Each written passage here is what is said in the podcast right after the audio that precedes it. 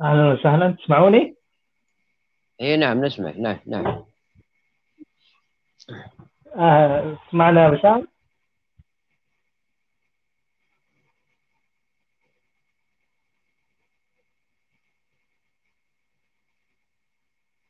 طيب يبدو في مشكلة عند الأخ وسام آه، أهلا بكم مشاهدينا ومستمعينا الكرام. آه، في هذه الحلقة اللي يعني بتعتبر يعني استثنائية لأنه آه، مثل ما أنتم شايفين التقرير طلع والاتصال حصل وكلنا شفنا إيش اللي صار وشفنا ردات الفعل. طبعا مساء الخير اللي في أستراليا ونيوزيلندا واللي يعني عايش في وقت مساء وصباح الخير للي يعني عايشين يعني في وقت النهار يعني يعني اللي في المزرعة اللي في في أفريقيا اللي في جزء من آسيا اللي في أوروبا آه، أمريكا كندا آه، نقول لك صباح الخير يا أبو تركي. صباح النور يا مين صباح النور.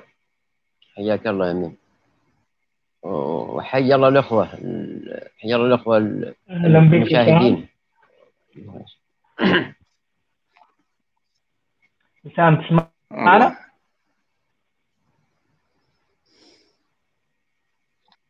أسمعكم. أسمعكم. شوي يقطع لكن أسمعكم.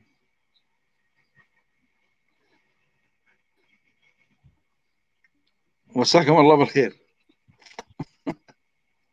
آه، مساك الله بالخير يا أبو داوود كيف حالك؟ طيب؟ إيه ما هي مشكلة.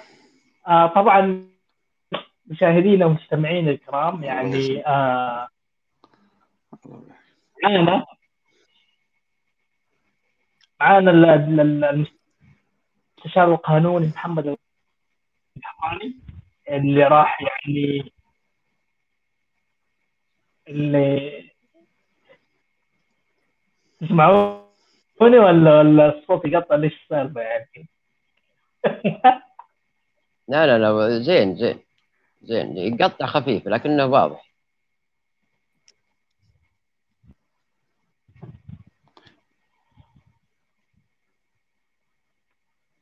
طيب شوي آه أنا يعني حشارك في هذه الحلقة اللي هي السياده للشعب المستشار القانوني محمد القحطاني وأيضا أحد مؤسسي المجلس الانتقالي الفدرالي آه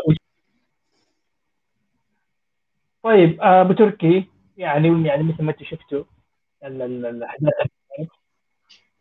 يبدو إن الصوت وصل لك متأخر يعني. أنا ما اعرف الصوت واضح أصلا يعني عند الناس ولا لا بس آه إحنا نبدأ ونقول يعني نتمنى إنه ما يكون في أي انقطاع للصوت. آه طيب يعني نتحدث عن التقرير اللي طلع وأيضا عن الاتصال اللي اللي حدث بين بايدن وبين الملك سلمان. آه ندخل على عدة مواضيع يعني ممكن لها علاقة بشكل مباشر أو غير مباشر بالتقرير وب يعني بايدن وعلاقته مع نظام بن سعود. يعني كرئيس العودة لأحد اللاجئين اللي كانوا موجودين في كندا. اللاجئ هذا طبعا آه، عمر السهراني وعبد العزيز الحضيف ومحمد العتيبي والشلة اللي في كندا يعني. آه يعني قالوا إنه في سعودي اختفى ولاجئ وما ادري إيه. وآخر يعني مرة كان يعني فيها على تواصل كان في المطار وبعدها اختفى ما حد عارف وين راح فين جاء إيش صار إيش ما صار. وفجأة كذا وبقدرة قادر حودة طلع في المزرعة وطلع إنه اسمه أحمد الحربي ف يعني أنا صراحة ماني فاهم الدراما هذه اللي صارت والفيلم اللي صار من قبل الجماعة في كندا. إذا بدأنا معك يا يا وسام أبو داوود يعني انت إيش رأيك في الدراما هذه اللي صارت؟ نعم. لا لا هو هو أنا بالنسبة لي أنا أتوقع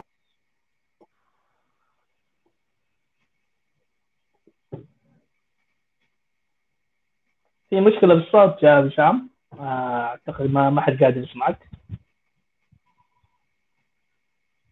طيب أبو تركي يعني أنت إيش رأيك؟ آه زين. هذه أنا أعتبرها يعني عملته.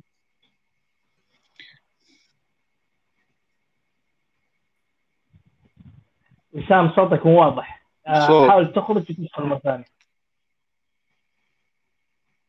أبو تركي أنت إيش رأيك في الموضوع؟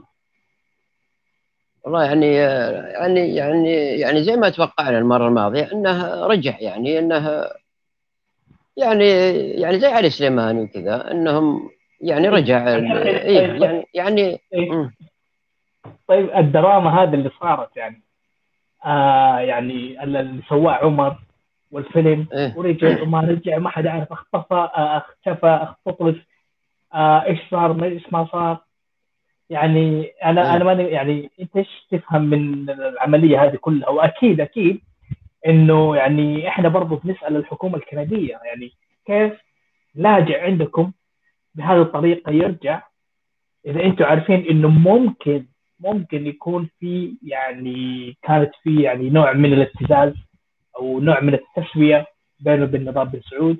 الابتزاز أنا اقصد في ابتزاز أهله. ف أنت إيش رأيك يعني في موقف الحكومة الكندية؟ أنا أنا طبعا إيمان آه، يا وش اسمه آه، وش اسمه أمين. يعني يعني زي ما قلت لك أتوقع إن الشخص رجع. بس يعني يعني زي ما قلت إنه يعني عمر فاهم غلط. وفي نوع من من الخوف والتوجل يعني زي الوسوسة كذا زي الوسوسة كذا صار كذا بي- بي- بيجي منه بيجيني من ورا بيجي من قدام صاير في نوع من من القلق من القلق يعني عند كندا لكنها بحسن بحسن نيه هو أنا أتوقع انه بحسن نيه بس انه سببه قلق وخوف وكذا يعني.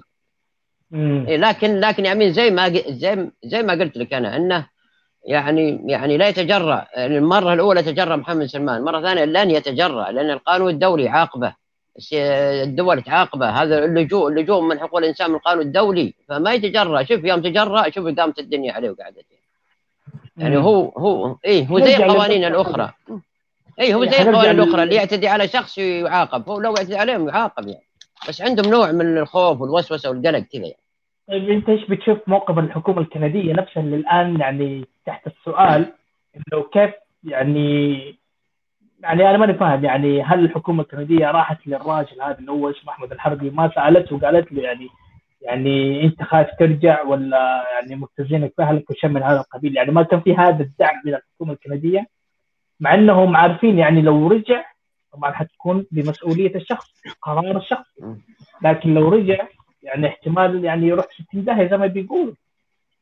فايش تشوف أنت يا أبو تركي موقف الحكومة الكندية من الموقف هذا؟ لأنه إيه زي ما- إيه أنت عارف حم يعني عمر سوى سوى ليلة سوى حفلة تعال يا إعلام وما أدري إيه ويا حكومة يا سلطات اتصالات ورايحات جيات إيش في إيش ما في كيف وما كيف وفجأة كذا الواد طلع إنه يعني رجع لحاله ويعني حتى يعني اخذوا له صوره يعني وعادي يعني لا اختطاف ولا محزنون اي لا فعلا. زي ما زي ما قلت أنا أشوف في نوع من القلق والوسوسة. مع ان مع إن عمر أمان. عمر عمر في أمان الآن. ليش؟ لأن الإعلام مسلط عليها الآن واللي صار مع مع مع خاشقجي والفيلم اللي طلعه. الفيلم اللي سواه شو اسمه الفيلم هذا حق آه، اسمه إيه المعارض. هذا جعله في أمان أكثر. لكني أنا ألاحظه أنا شفت له تسجيله وكذا.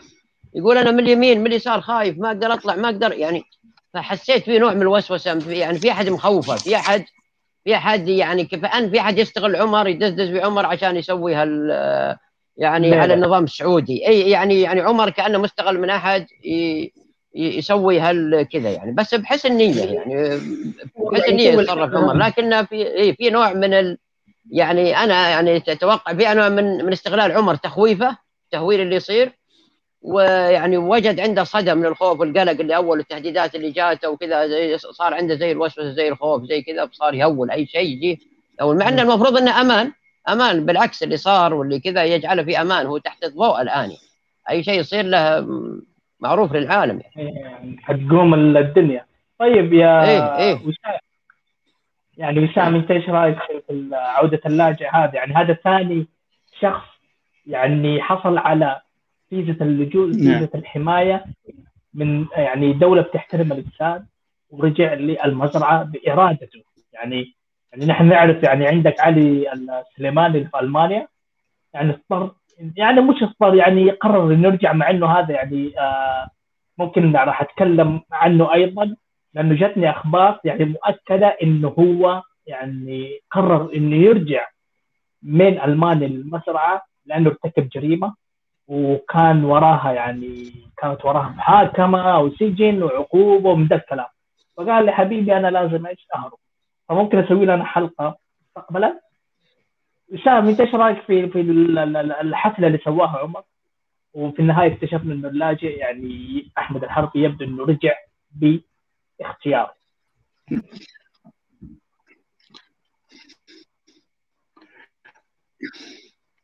نعم. نعم أنا أعتقد براشد يعني ما هو اثنين بالنسبة للموضوع أنه يعني هو نفسه عليه خطر. لأن يعني الوضع ما يسمح إنه يعني محمد بن سلمان يتعدى عليه ما يقدر يتعدى عليه لأسباب كثيرة طبعا وذكرها تركيا. أنا أعتقد إنه زيادة يعني هو قاعد يزيد في العمل يعني. هو, هو يتصنع يتصنع. والهدف منه إنه يجلب انتباه يعني جلب انتباه. هي عبارة عن يعني مراوغة يعني شو يعني تعتقد إنها ممكن يعني حرب نفسية؟ تعتقد إنها ممكن تكون حرب نفسية مع بينه وبين بن سلمان؟ يعني بين عمر وبين بن سلمان؟ ممكن ممكن تكون حرب نفسية يعني نسميها حرب نفسية. بس أنا بالنسبة لي هو هو أنا اللي أعرفه إنه عمر من من حزب التجمع مو كذا يعني؟ إيه واحد مؤسسي حزب أعود يعني أنا أنا أعود يعني أقول لك إن مشكلة السعوديين مصداقية يعني. مسألة المصداقيه يعني ما في ما ما في مصداقية. ما في. امم أعتقد إنه كثير من المعارضة يعني ما عندهم المصداقية هذه اللي المطلوبة في المرحلة هذه اللي إحنا نحتاجها؟ طبعا. طبعا هو هو يعني حزب التجمع حزب التجمع هو يعني شوف آه، عندما عندما يكون في حزب يروج ل هو عبارة عن أداة ترويج لجهة معينة بغض النظر. هذا مو حزب هذا جهة ترويج يروج إعلامية. إعلامية.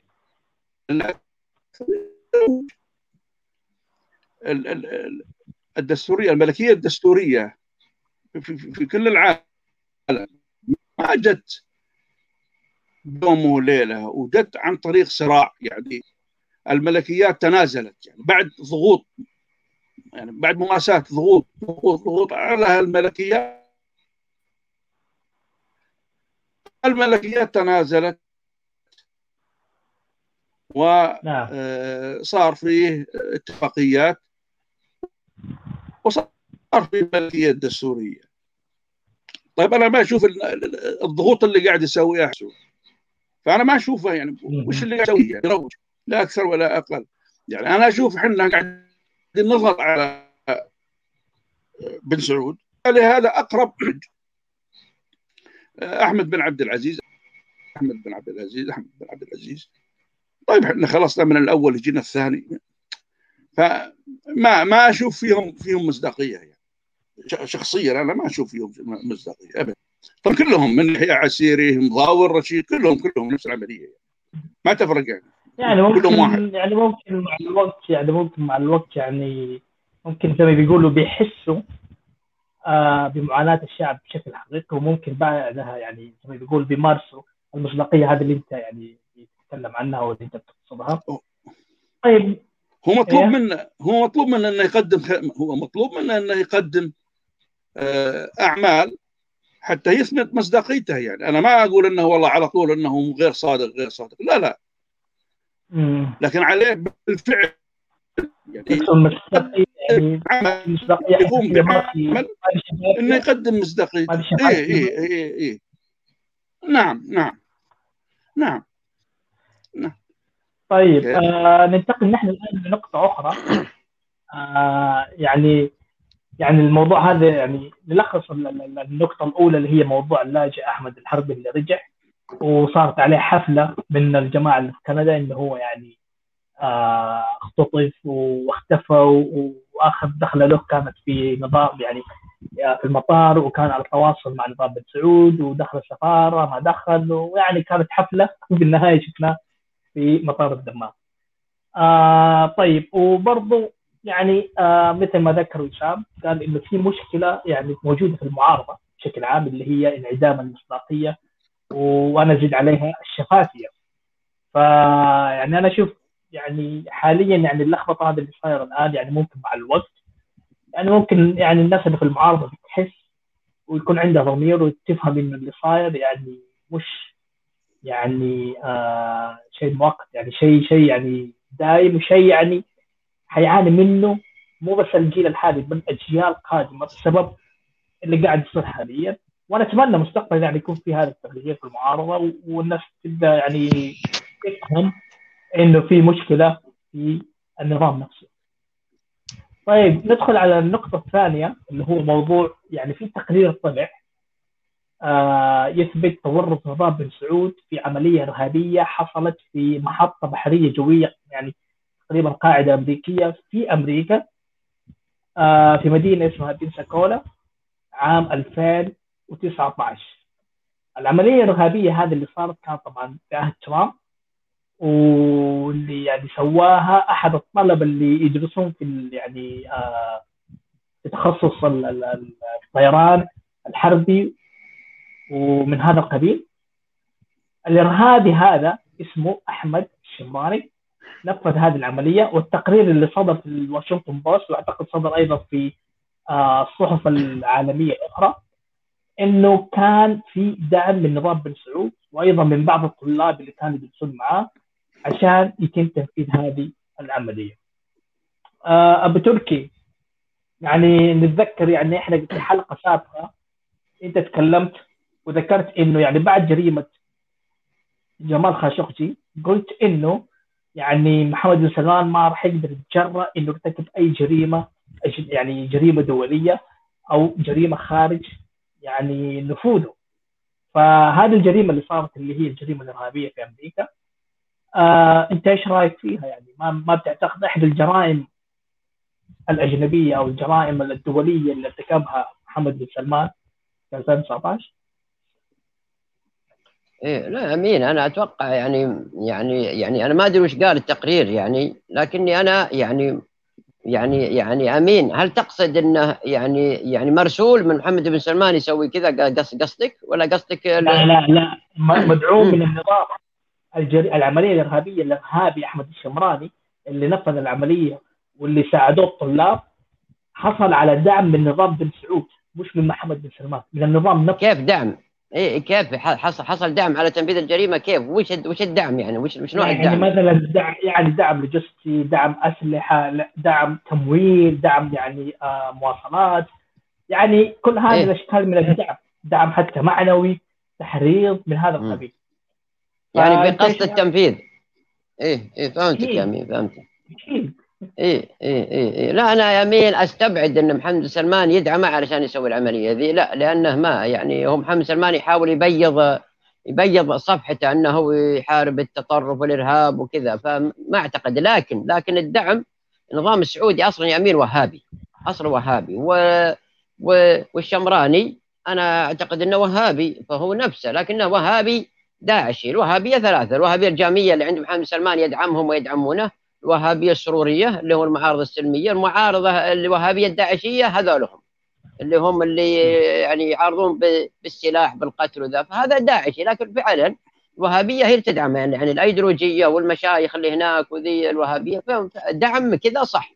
لكن محمد سلمان داعمه عشان ينفذ محمد سلمان جالس الآن يعني يعني يسوق لنفسه إنه يحارب التطرف يحارب الإرهاب. فما أعتقد إنه إنه هو مساعده إيه يا أمين يعني إيه لا لا ما أعتقد إنه محمد بن سلمان شخصيا هو اللي دعمه. لا أنا أقصد النظام نفسه.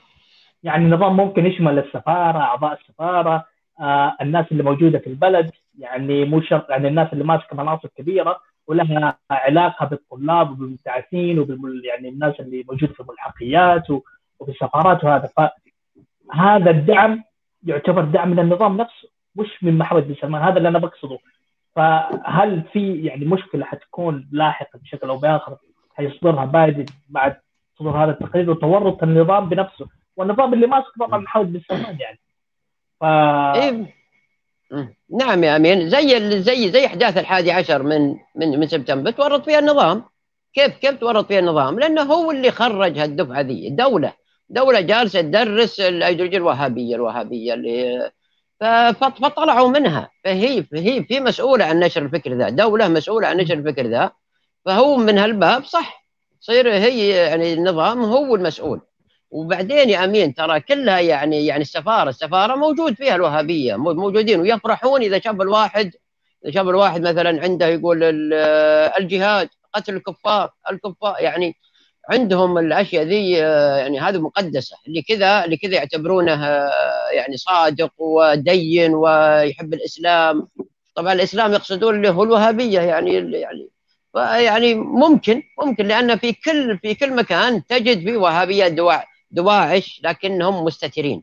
وهابية سرورية مستترين وهابية جامية مستترين وكلهم يعني وعلى فكرة هم هم هم يعني من أصناف السيادة شو اسمه السيادة لله يعني كلهم هم مع ولاية الفقيه ومع فكلهم سواء الوهابية مع ولاية الفقيه مع الإخوان مع فأنا أصنفهم سواء. بس الوهابية ميزتها إيش؟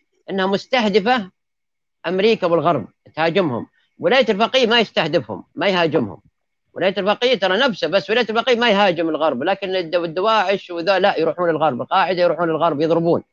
لكن ولايه الفقيه لا ولايه الفقيه جالس بس في في, في اليمن في في, في العراق في في, في لبنان ما يستهدف الغرب. لذلك تشوف الهجوم على ولايه الفقيه ضعيف.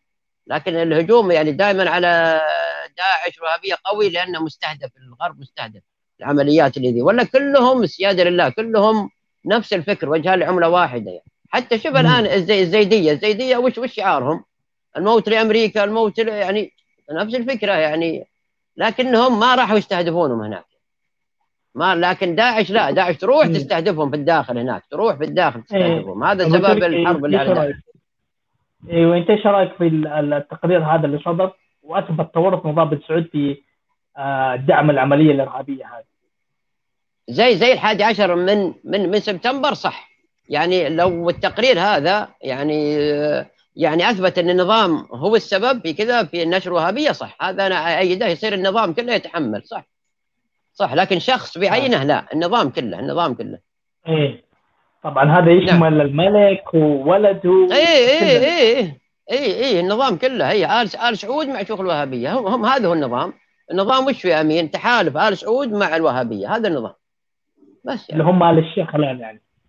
آل الشيخ والمشايخ الوهابية. آل الشيخ والمشايخ الوهابية. طيب يا وسام انت إيش رأيك في التقرير هذا اللي صدر؟ ما أدري أنت اطلعت عليه ولا لا بس هذا آه، ممكن أنت تتذكر الحادثه ممكن تتذكر العملية الإرهابية اللي صارت وتقريبا المشاهدين بيتذكرون هذه العملية اللي صارت وترام للأسف يعني ادعى إنه بيدعم الضحايا وبيعوض الضحايا وإنه الملك وولده والنظام نفسه نظام بن سعود بيدعم الضحايا وعائلات الضحايا لكن للأسف يعني ما شافوا إلا بحر زي ما بيقولوا. فأنت إيش رأيك يا وسام في العملية هذه؟ أنا أنا أنا أنا ما أدري ليه في سؤال أصلا يعني ليه ما الغريب في الموضوع؟ النظام معروف بداية من من 11 سبتمبر الحادي عشر من سبتمبر ونظام معروف يعني و خلينا نقول من 2004 آه، كيري إحنا نعرفه كان وزير خارجية كيري كان في ذاك الفترة آه، آه، كيري جون كيري. آه جون كيري. إيه. كان كان في في في في تنافس. في 2004 كان في تنافس مع بوش. طبعا اللي كسب بوش طبعا. فكيري أوضح نعم. كثير من الأمور يعني. قال ان ان 15 واحد آه، هم سعوديين في 11 سبتمبر وإن هذا النظام يعني ولا بد من محاربته وطريقه في ذاك الزمن كان البترول يعني كان شوية فهم هم جاروا السعودية تم مجاراه السعودية. الآن وصلوا إلى 2017 اللي هي المرحلة الفترة اللي خلاص ما عاد يحتاجوا إلى السعودية بالنسبة للبترول. ما بعد ذلك بدأ التغيير. يعني خلاص يعني. فهي هذه معروفة يعني واضحة يعني هذه الأمور فالشمراني يعني ليس شيء جديد. وإذا صار فيه أمور في المستقبل أيضا ما راح تكون شيء جديد يعني. نظام معروف آه، في عنده نعم. عنف إرهابي. إيه هذا طبيعي بالنسبة لهم. بالنسبة لهم طبيعي. هذه نتائج هذه نتائج الثقافة أو أو التعليم الخاطئ. نعم. نعم. آه طيب ننتقل الآن لنقطة ثالثة اللي هو النقطة الثالثة. طبعا هذه كل الأحداث اللي أنا بشاركها معاك ونتناقشها هنا مع المستشار القانوني محمد القحطاني وأيضا آه سام سام الشمري. كلها مرتبطة يعني بالتقرير اللي حنتحدث عنه في نهاية هذه الحلقة. أو يعني لأنه هو هي الليل زي ما بيقولوا. إحنا عايشين في حفلة ويعني الواحد بيسخن زي ما بيقول. لين ما نوصل بالنهايه ونختمها زي ما بيقول. ف ندخل على النقطة الثالثة اللي هي طبعا أنا سويت لقاء مع شخصية آه، سياسية أو شخصية يعني ناشط سياسي آه، قبل كم يوم مع إنه الصوت كان يعني نوعا ما جدا سيء والنت كان جدا سيء وأنا أعتذر. فأنا احاول أشرح النقطة هذه في الحلقة هذه اللي هو كانت في محاولة فاشلة لناشر الآن هو مقيم في كندا اسمه محمد السديري والعملية الاغتيال آه، عملية الاغتيال الفاشلة هذه كانت في أمريكا في 2018 قبل ما يتم اغتيال جمال خاشقجي بكم شهر. آه طبعا الناشر محمد السديري آه يعني قضية أو يعني محاولة الاغتيال الفاشل اللي صارت بحقه في في 2018 كان بسبب إنه كانت في عنده علاقة مع أحد امراء بن سعود وكانت العلاقة يعني تجارية علاقة عمل ومع عمل فبالتالي تم مطاردته إلين أمريكا. وللأسف يعني آه طبعا أنا شاركت صور وشاركت أدلة هو ارسل لي هي شخصيا عشان أشاركها معاكم في المتن آه فبالتالي للأسف يعني آه المطاردة انتهت بمحاولة فاشلة لاغتياله وبعدين هو راح كندا وقدم يعني لجوء وحصل على اللجوء والآن هو مقيم في كندا. هذه هذا الخبر يا أبو تركي. طبعا نحن قبلها قبل لو تتذكر برضه تكلمنا على موضوع إنه محمد بن سلمان ما راح يقدر يتجرأ إنه يرتكب جريمة أخرى بعد اللي سواه جمال خاشقجي. لكن برضه الآن نظام بن سعود يعني آه يعني ارتكب محاولة فاشلة لاغتيال أحد المعارضين أو الناشطين قبل اغتيال جمال خاشقجي طبعا محمد بن سلمان ممكن ما يكون له دور كبير في الموضوع هذا لكن كنظام فهو جزء من النظام فأكيد في يعني آه دور بيلعبه بشكل أو بآخر فأنت إيش رأيك أبو تركي في المحاولة الفاشلة لأحد المعارضين مثل محمد السوداني؟ إيه طبعا هي ظاهر. هي بعد جمال ولا قبل يا أمين؟ الظاهر بعد بعد جمال لا بعد. لا لا لا قبل جمال. امم لأني أنا أذكر أذكر يوم صار له الحادث وذي أذكر أنه كأنه بعد جمال يا أمين. ما هو مو هو على, حسب كلامه قال لي إنه الحادثه هذه صارت قبل جمال. يعني حتى ارسل الأدلة وهذه يعني صارت تقريبا على شهر أربعة شهر ثلاثة الفترة هذه. واغتيال جمال صار على شهر عشرة. فقبل آه. جمال تقريبا ست شهور. اي اي طيب يا أمين بس إنها ما ما اشتهرت في الإعلام زي جمال. لو اشتهرت في الإعلام وقام عليه الإعلام وصار عليه هجوم كان ما كررها محمد بن سلمان. لكنه صار هجوم في الإعلام وانتشرت خلاص. والأمم المتحدة كلام كلام كلامار راحت وحققت خلاص دخلت الأمم المتحدة بالموضوع هذا خلاص يعني وقف محمد بن سلمان. يعني فقبل قبل قبل ما تشتهر فعلا. يعني يعني يعني يعني فعلا زي أمين أمين المجرم المجرم قبل قبل ما يعاقب أو قبل ما يتجرأ يستمر. لذلك يعني الجلي العقوبة العقوبة فائدتها ردع ردع المجرم وردع المجتمع نفسه. فالمجرم لازم يرتدع. ف يعني قبل ما صارت في عقوبة اللي هو زي الإعلام هذا وال يعني والضغط الدولي والدول كلها قامت عليه وطالب بمحاسبته هذه تعتبر عقوبة له يعني إي بس آه، محاولة محاولة الاغتيال الفاشلة لحامد آه، ما كانت بسبب نشاطه السياسي والحقوقي بقدر ما إنها كانت بسبب إنه كانت عنده علاقة مع أحد الأمراء لما كان موظف سابق في المزرعة. فهذا الأمير راح طارده إلى أمريكا وحمد يعني كان بيقابل طلاب مبتعثين وكان واحد من الطلاب المبتعثين هو الآن رجع وتلفقت عليه تهم عشان يسكت وعشان يعني آه ما يفضح اللي صار وإيش اللي صار وكيف صار وما صار لأنه حصل دعم من السفارة نفسها عشان يقدر يغتال يعني حمد الشديد. وطبعا هذاك الشخص اسمه آه بدر الحربي على حسب ما أذكر اسمه. آه يعني كان يكفر حمد وكان يعني قال أنا لو شفته راح أقتله. وكان يقولها في الجروبات في الواتساب يعني مع الطلاب وهذا. ففي يوم يعني تجرأ وكسر قزازه وراح يعني حاول يغتاله فعلا. يعني حتى الجرح كان عميق جدا في أسفل يعني كتف اليسار. فبالتالي يعني نقدر نحن نقول إنه محمد بن سلمان ما كان متورط بشكل مباشر في الجريمة لكن النظام نفسه متورط في العملية هذه.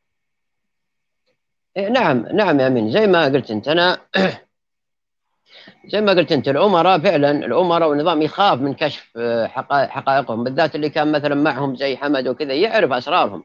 حمد يقدر يقول يسوون كذا يسرقون كذا يسوون كذا يسرقون كذا وكلامه له له له مصداقية.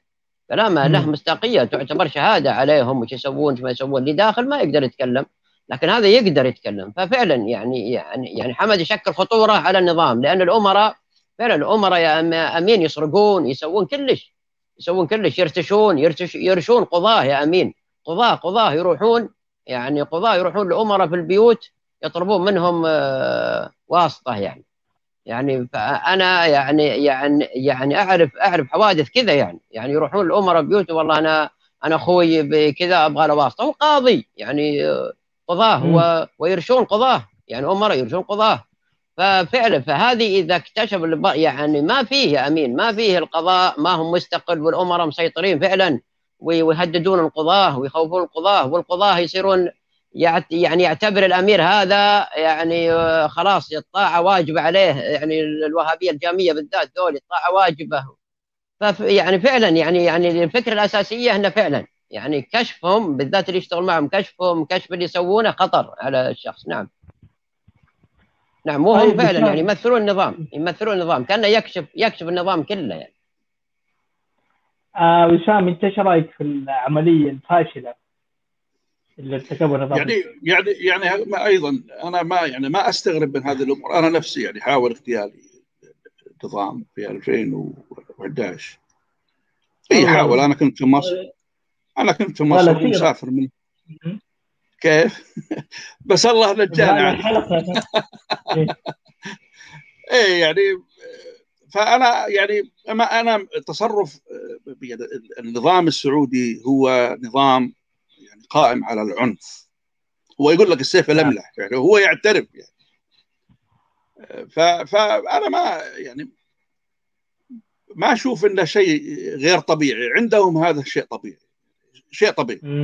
طبعا الأسباب كانت بسيطة إنه يعني هم ما يبون واحد يكون في قيادة في شمر. طبعا هذه هي الأسباب حقتهم. ما يبون ما يبون واحد يجي قيادي في في في قبيلة شمر أو في حايل ها ويبدأ يتكلم أو لسانه شوية يكون طويل آه ما يخاف يعني فهذا هي كانت الأسباب. وعلى فكرة هذا كان في زمن عبد الله يعني عبد الله ورغم إن أنا يعني اي اي لا لا اي عهد بعدين أنا عهد عبد الله.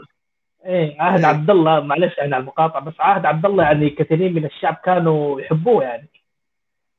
أنا أنا قابلته يعني الملك عبد الله أنا قابلته. و...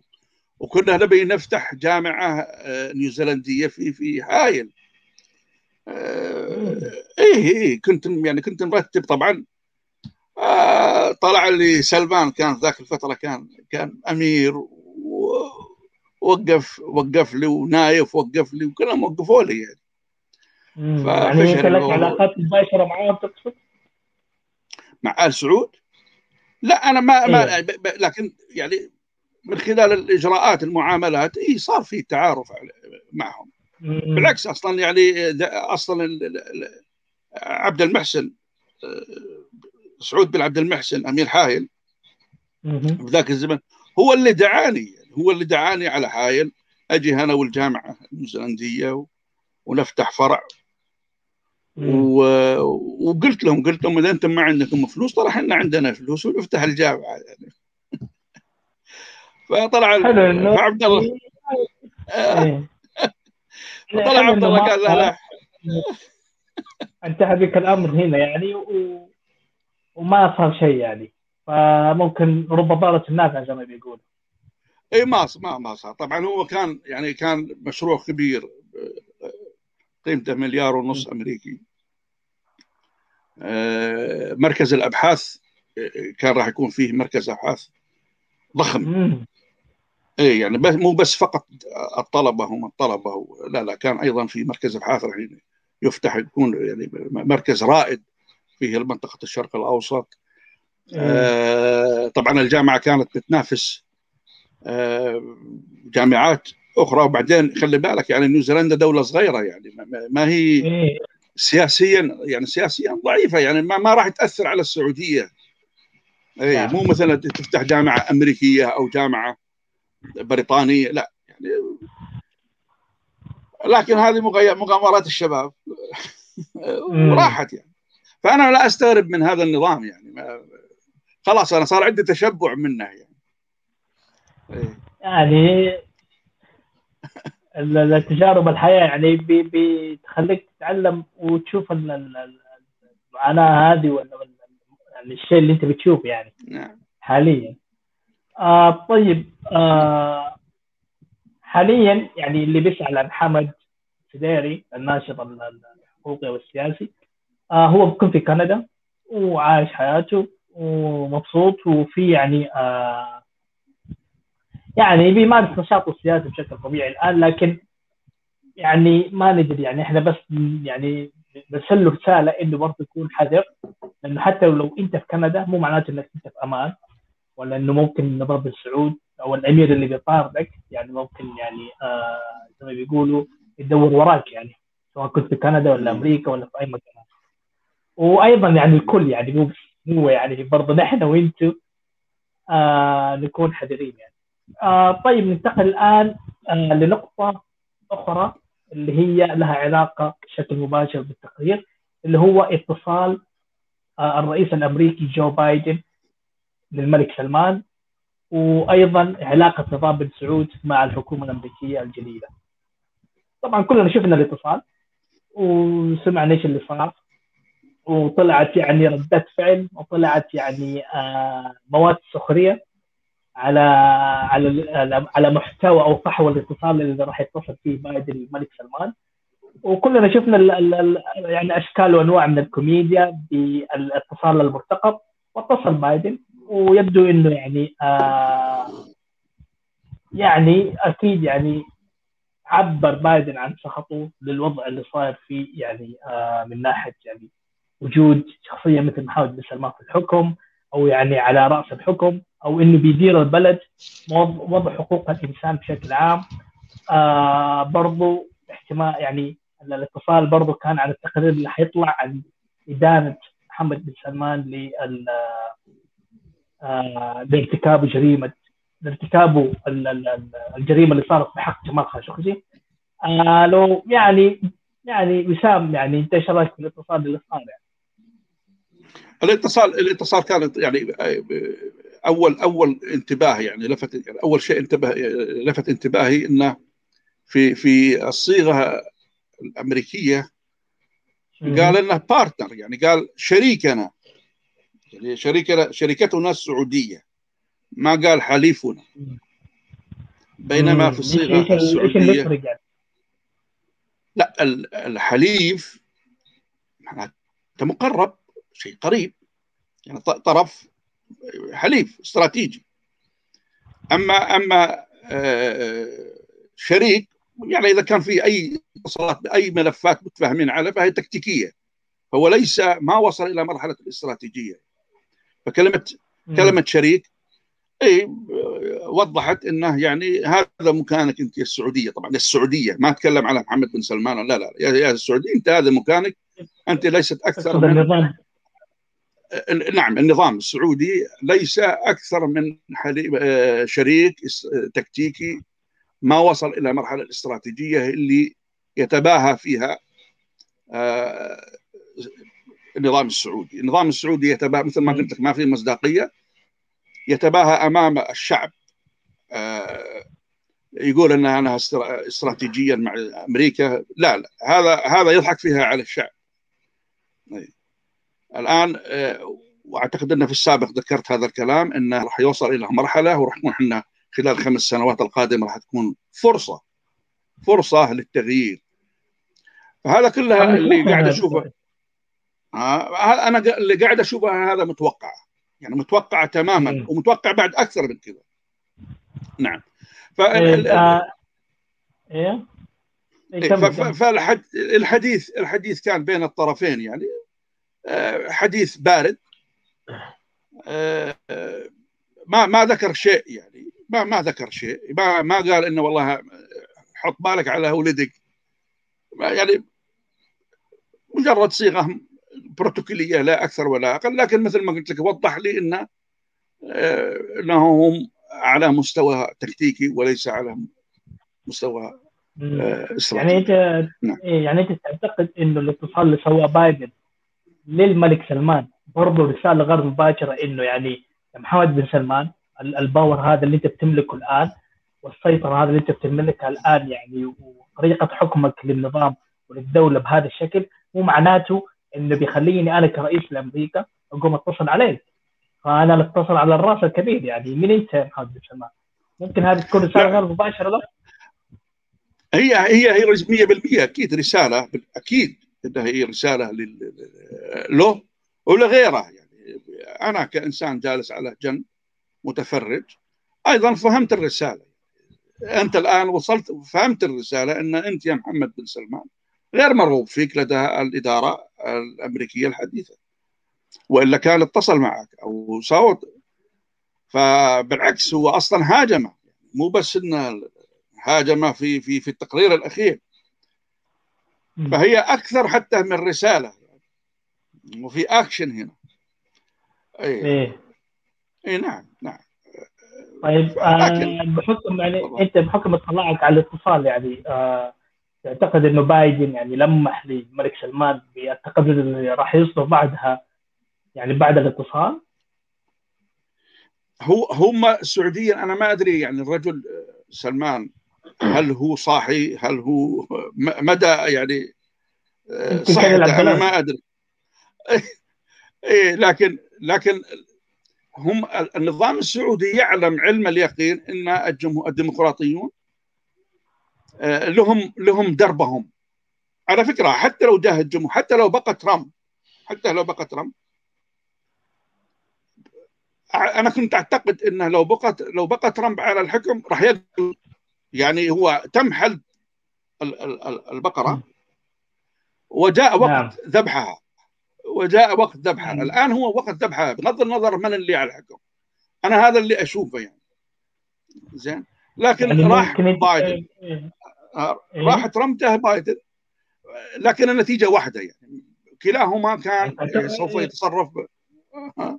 تعتقد إن بايدن هو اللي راح يذبح البقرة هذه؟ طبعا 100% آه نذكر المشاهدين والمتابعين إنه ترامب في حملاته الانتخابية في 2015 تقريبا آه قال يعني جملة قدام جمهوره قال إنه أنا راح أحلب نظام بن سعود وبعد ما أحلبها راح أذبحها نعم. فتعتقد يا وسام إنه آه وقت الذبح قد حان؟ حان وقت الذبح لذلك أنا قلت في السابق في أحد الحلقات اللي إحنا نسويها إن يا جماعة الخير ترى عندنا خمس سنوات. هذه الخمس سنوات فرصة للتغيير. يعني في في أسباب. وما جاء هذا يعني من أحداث سبتمبر وصاعدا بدأ التغيير الأمريكي. التفكير الأمريكي تجاه السعودية بدأ يتغير. المجاز السعودي الأمريكي تجاه السعودية بدأ يتغير بعد أحداث سبتمبر. أي. يعني تعتقد انه التغيير صار جذري يعني تغيير حقيقي. اي لكن ما كان في عندهم إمكانية للتغيير لأسباب إن السعودية كان في ذاك الوقت البترول كان مطلوب. 2001 2002 وطالع كان البترول مطلوب. في 2017 ظهر ال- ال- البترول الصخري ولم يعد بحاجة بحاجة للبترول. الآن أصلا البترول السعودي يباع للصين لا يباع لأمريكا. أمريكا عندها بترول. ما ما تحتاج يعني ما تحتاج السعودية. طيب هم وصلوا إلى هذا الم... إيه، إيش سالفة يعني إنه نظام بن سعود دائما يروج للناس اللي مهتمة بالشأن السعودي سواء كان داخل البلد أو الناس اللي يعني عايشين في الخارج من المعارضه وغيره آه اللي الدعاية اللي دائما بيروجها نظام بن سعود إنه الاقتصاد العالمي قائم على النفط السعودي أو نفط بن سعود. الاقتصاد العالمي يعني راح يتقربع راح يسقط راح يتأثر بتأثير آه البترول اللي مستولي عليه نظام بن سعود إيش رأيك في؟ كان نعم. كان كان نعم. كان كان. الآن؟ لكن ما قبل 2017 ما بعد 2017 انتهى الحال تغير. بس يعني لا أكثر. هو ممكن يعني يعني يبقى شيء نوع يعني نسبة تقل بعد 2017 لكن إحنا الآن دخلنا في ال 2020 وفوق ال 21 خلاص ما ما مو بحاجة أصلا لأي نوع التواجد الأمريكي في في في الشرق الأوسط في الخليج. هو سببه ترى أو الشرق الأوسط هو سببه أمن إسرائيل فقط. لم يعد البترول لم يعد ما ما ما عاد ما هم بحاجة. آه، السبب طيب. الثاني ممكن ممكن يكون لأجل الصين يعني الصين تبحث عن عن المناطق البترولية فلأجل حجز المناطق البترولية عن الصين فالتواجد الأمريكي هو سببه هذا هذا سببه يعني. لكن هم مو بحاجة للسعوديه ابدا ما, ما عندهم أي حاجة. أوروبا ممكن تكون تحتاج ممكن تحتاج آه، السعودية لكن مو أمريكا. تمام. آه ننتقل لأبو تركي مع إنه أنا عندي كم سؤال أصلا كنت اوجهه لك يا وسام بس عادي. عشان الوقت. آه مستشار أبو تركي يعني أنت إيش رأيك في الاتصال اللي سواه بايدن للملك سلمان وتجاهل؟ يعني نقدر نقول عليه تجاهل عمدا آه اتصال بايدن لمحمد بن سلمان. إي أنا يعني يعني طيب أمين أنا لاحظت الاتصال قبل الإعلان. هم قالوا قبل الإعلان عن التقرير بيوم. إيه. بي- بيتصل بايدن على الملك ثم بعدين دخل محمد سلمان بس المستشفى ثم أخروا الإعلان على التقرير إلى أن يطلع محمد بن سلمان محمد سلمان أدري أنا أنا يوم شفت طالع إيه، إيه، المستشفى إيه. قلت وش هو هو هو داخل وش يسوي؟ يسوي تكميم ولا وش يسوي؟ على العموم أنا شفت كأنها كأن كأنها تلطيف ذكرت- للجو كانها إيه، تلطيف الجو يعني قبل قبل ما يطلع الإعلان كأنها يعني يعني تلطيف للجو. إحنا تعبان. اي اي عادي لا لا أنا ترى اي عادي لا تخافون هذا بس كذا يعني عادي لا تخافوا كيفكم طيبين وش أخباركم؟ إحنا معكم وحنا أقوياء. زي ما قالوا بدوي شركاء فعلا حليف كلمة حليف أقوى من شريك فعلا يعني. وحنا شركاء وحنا معكم وحنا أب... يعني كأنها تطمين أبد. ترى ذي بتمر بسلام. اللي بيجي التقرير ذا بكرة ترى عادي لا تشيل همه أبد. أهم شيء تطمنوا وأموركم زينة معنا ولا تشيلون هم يعني يعني هذا هو الهدف الأساس منها يعني. يعني بس أنا هذا أنا هذا اللي فهمته منها. أنا أيوه أنا أتذكر يعني يا أبو تركي يعني إيه. يعني نحن نحن أطفال يعني لما نيجي ندخل ندخل على مثلا واحد يسوي طاعة يعني يسوي مشكلة وبعدين يجي المدرس يقوم إيش يحقق عشان يعرف من يسوي المشكلة إيه. فالشخص اللي مرتكب ال- ال- المشكلة هذه قبل ما يجي الدور عليه ادعي إنه هو مريض ولا يبغى يروح دورة المياه ولا عارف فيقوم يروح عشان يتهرب من التحقيق لأنه إيه، عارف بالضبط. بالضبط. الظاهر ما نعم، إيه ما نعم. حتقدر تكذب فما حتقدر تكذب يعني كذبتك حتكون مكشوفة فحتكون تدعي إنك انت يعني مريض ولا عيان ولا مصدع ولا تبغى تروح دورة المياه وده.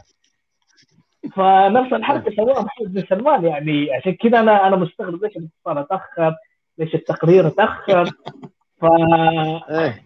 مشكلة محمد بن سلمان يعني حتى في في الحركة دي ما يعرف. يعني راح المشفى وادعى إنه هو يعني بيسوي عملية يعني اثاره التهاب الدود الزايدة الدودية.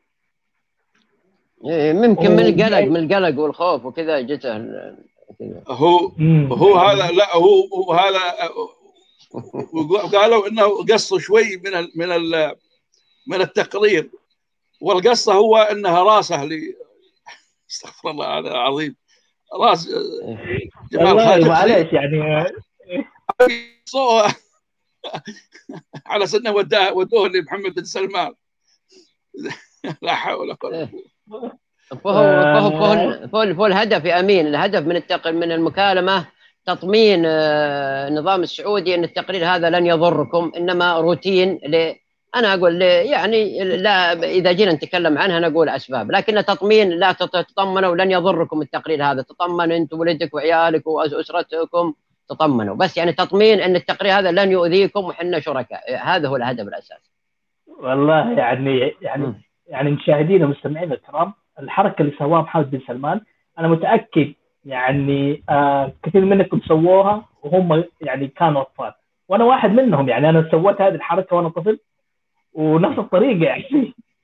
ف تخيلوا شخص مفترض يكون واعي وفاهم ومدرك يعني خاص تجارب كثيرة في الحياة يطلع بهذه الحركة.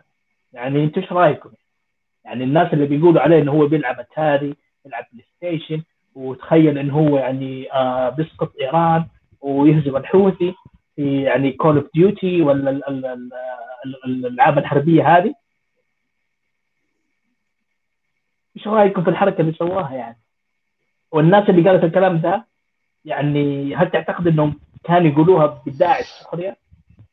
فالحركة اللي سواها بن سلمان يعني يعطيكم دليل قوي وإثبات قوي إنه هو يعني ما زال عنده هذا العقل يعني اللي بيقول عليه العقل اللي هو لساعه يعني يعني يحتاج وقت عشان يكون يعني يوصل لمرحلة الوعي.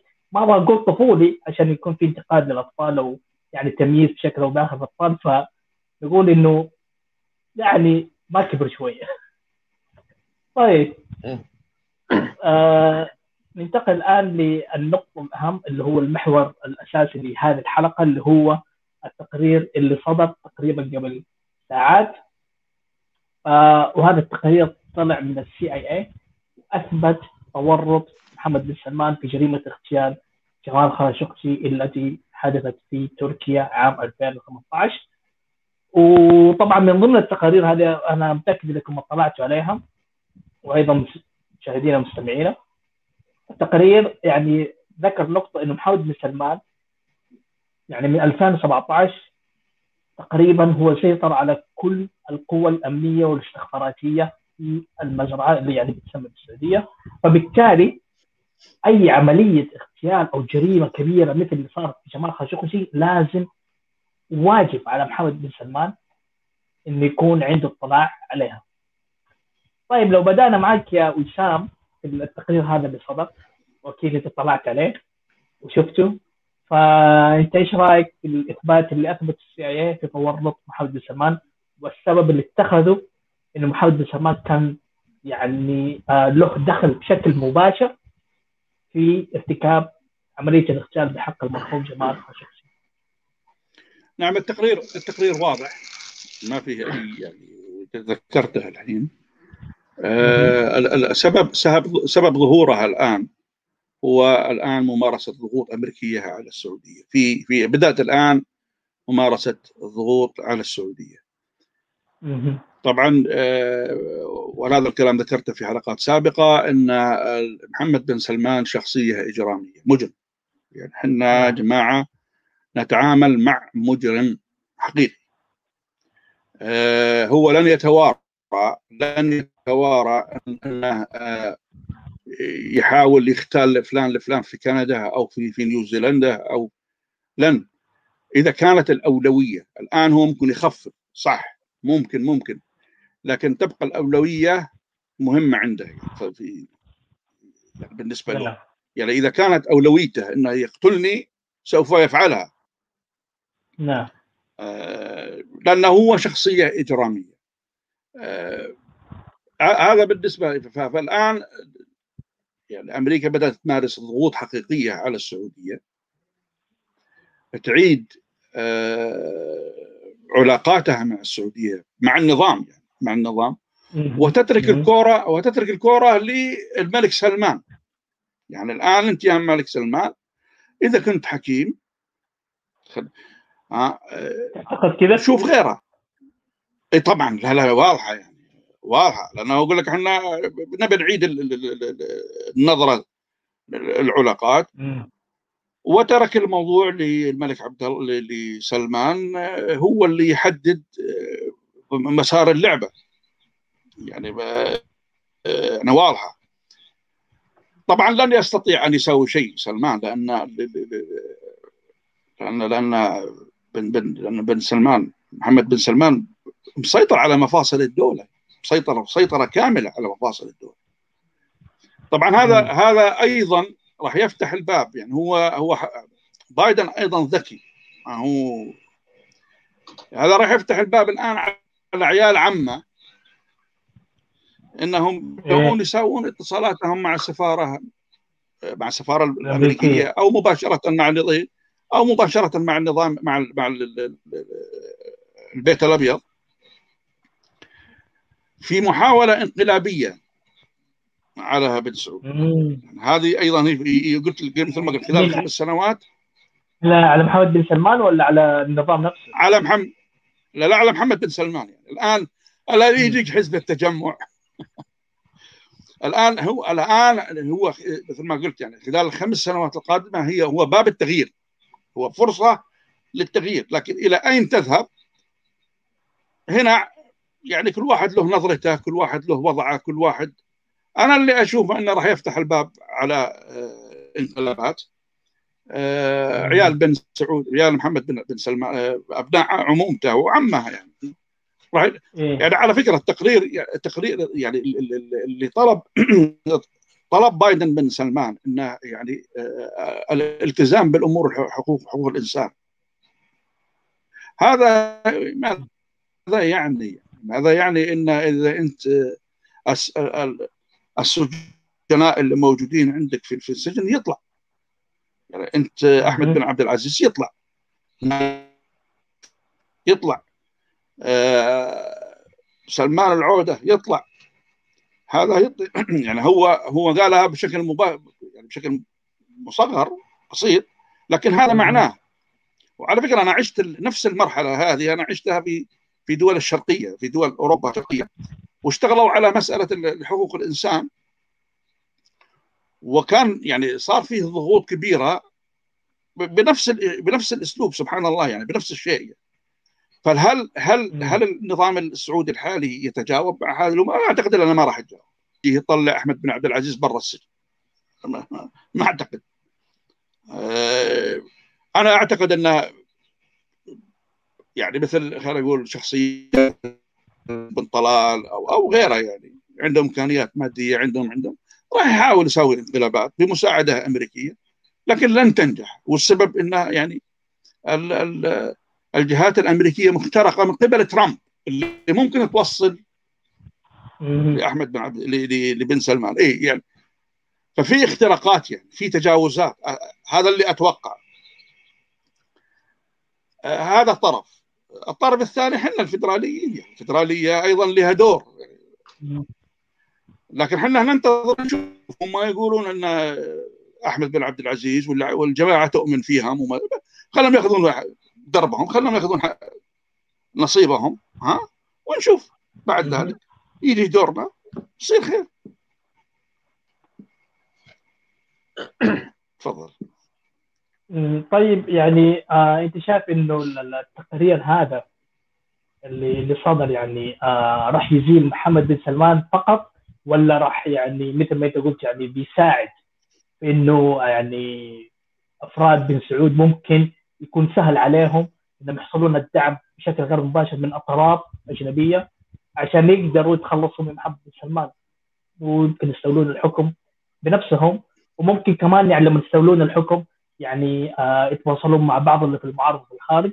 يعني غالبا ممكن يكون حق التجمع الوطني أو حقنا الفقيه أو المشعري أو الشلة هذه يعني آه بشكل يعني قريب أو يعني مستقبل قريب.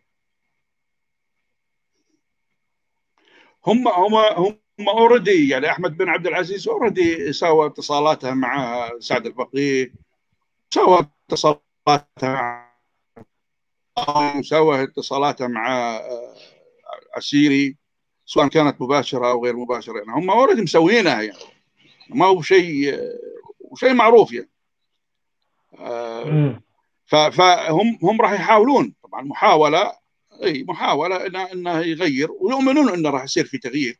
أنا أؤمن إنه راح يصير في تغيير لكن ليس بهذا الاتجاه. امم باي اتجاه تعتقد؟ بن سلمان يعني رجل اجرم أنا أعيد واكرر انه رجل رجل مجرم إحنا نتعامل مع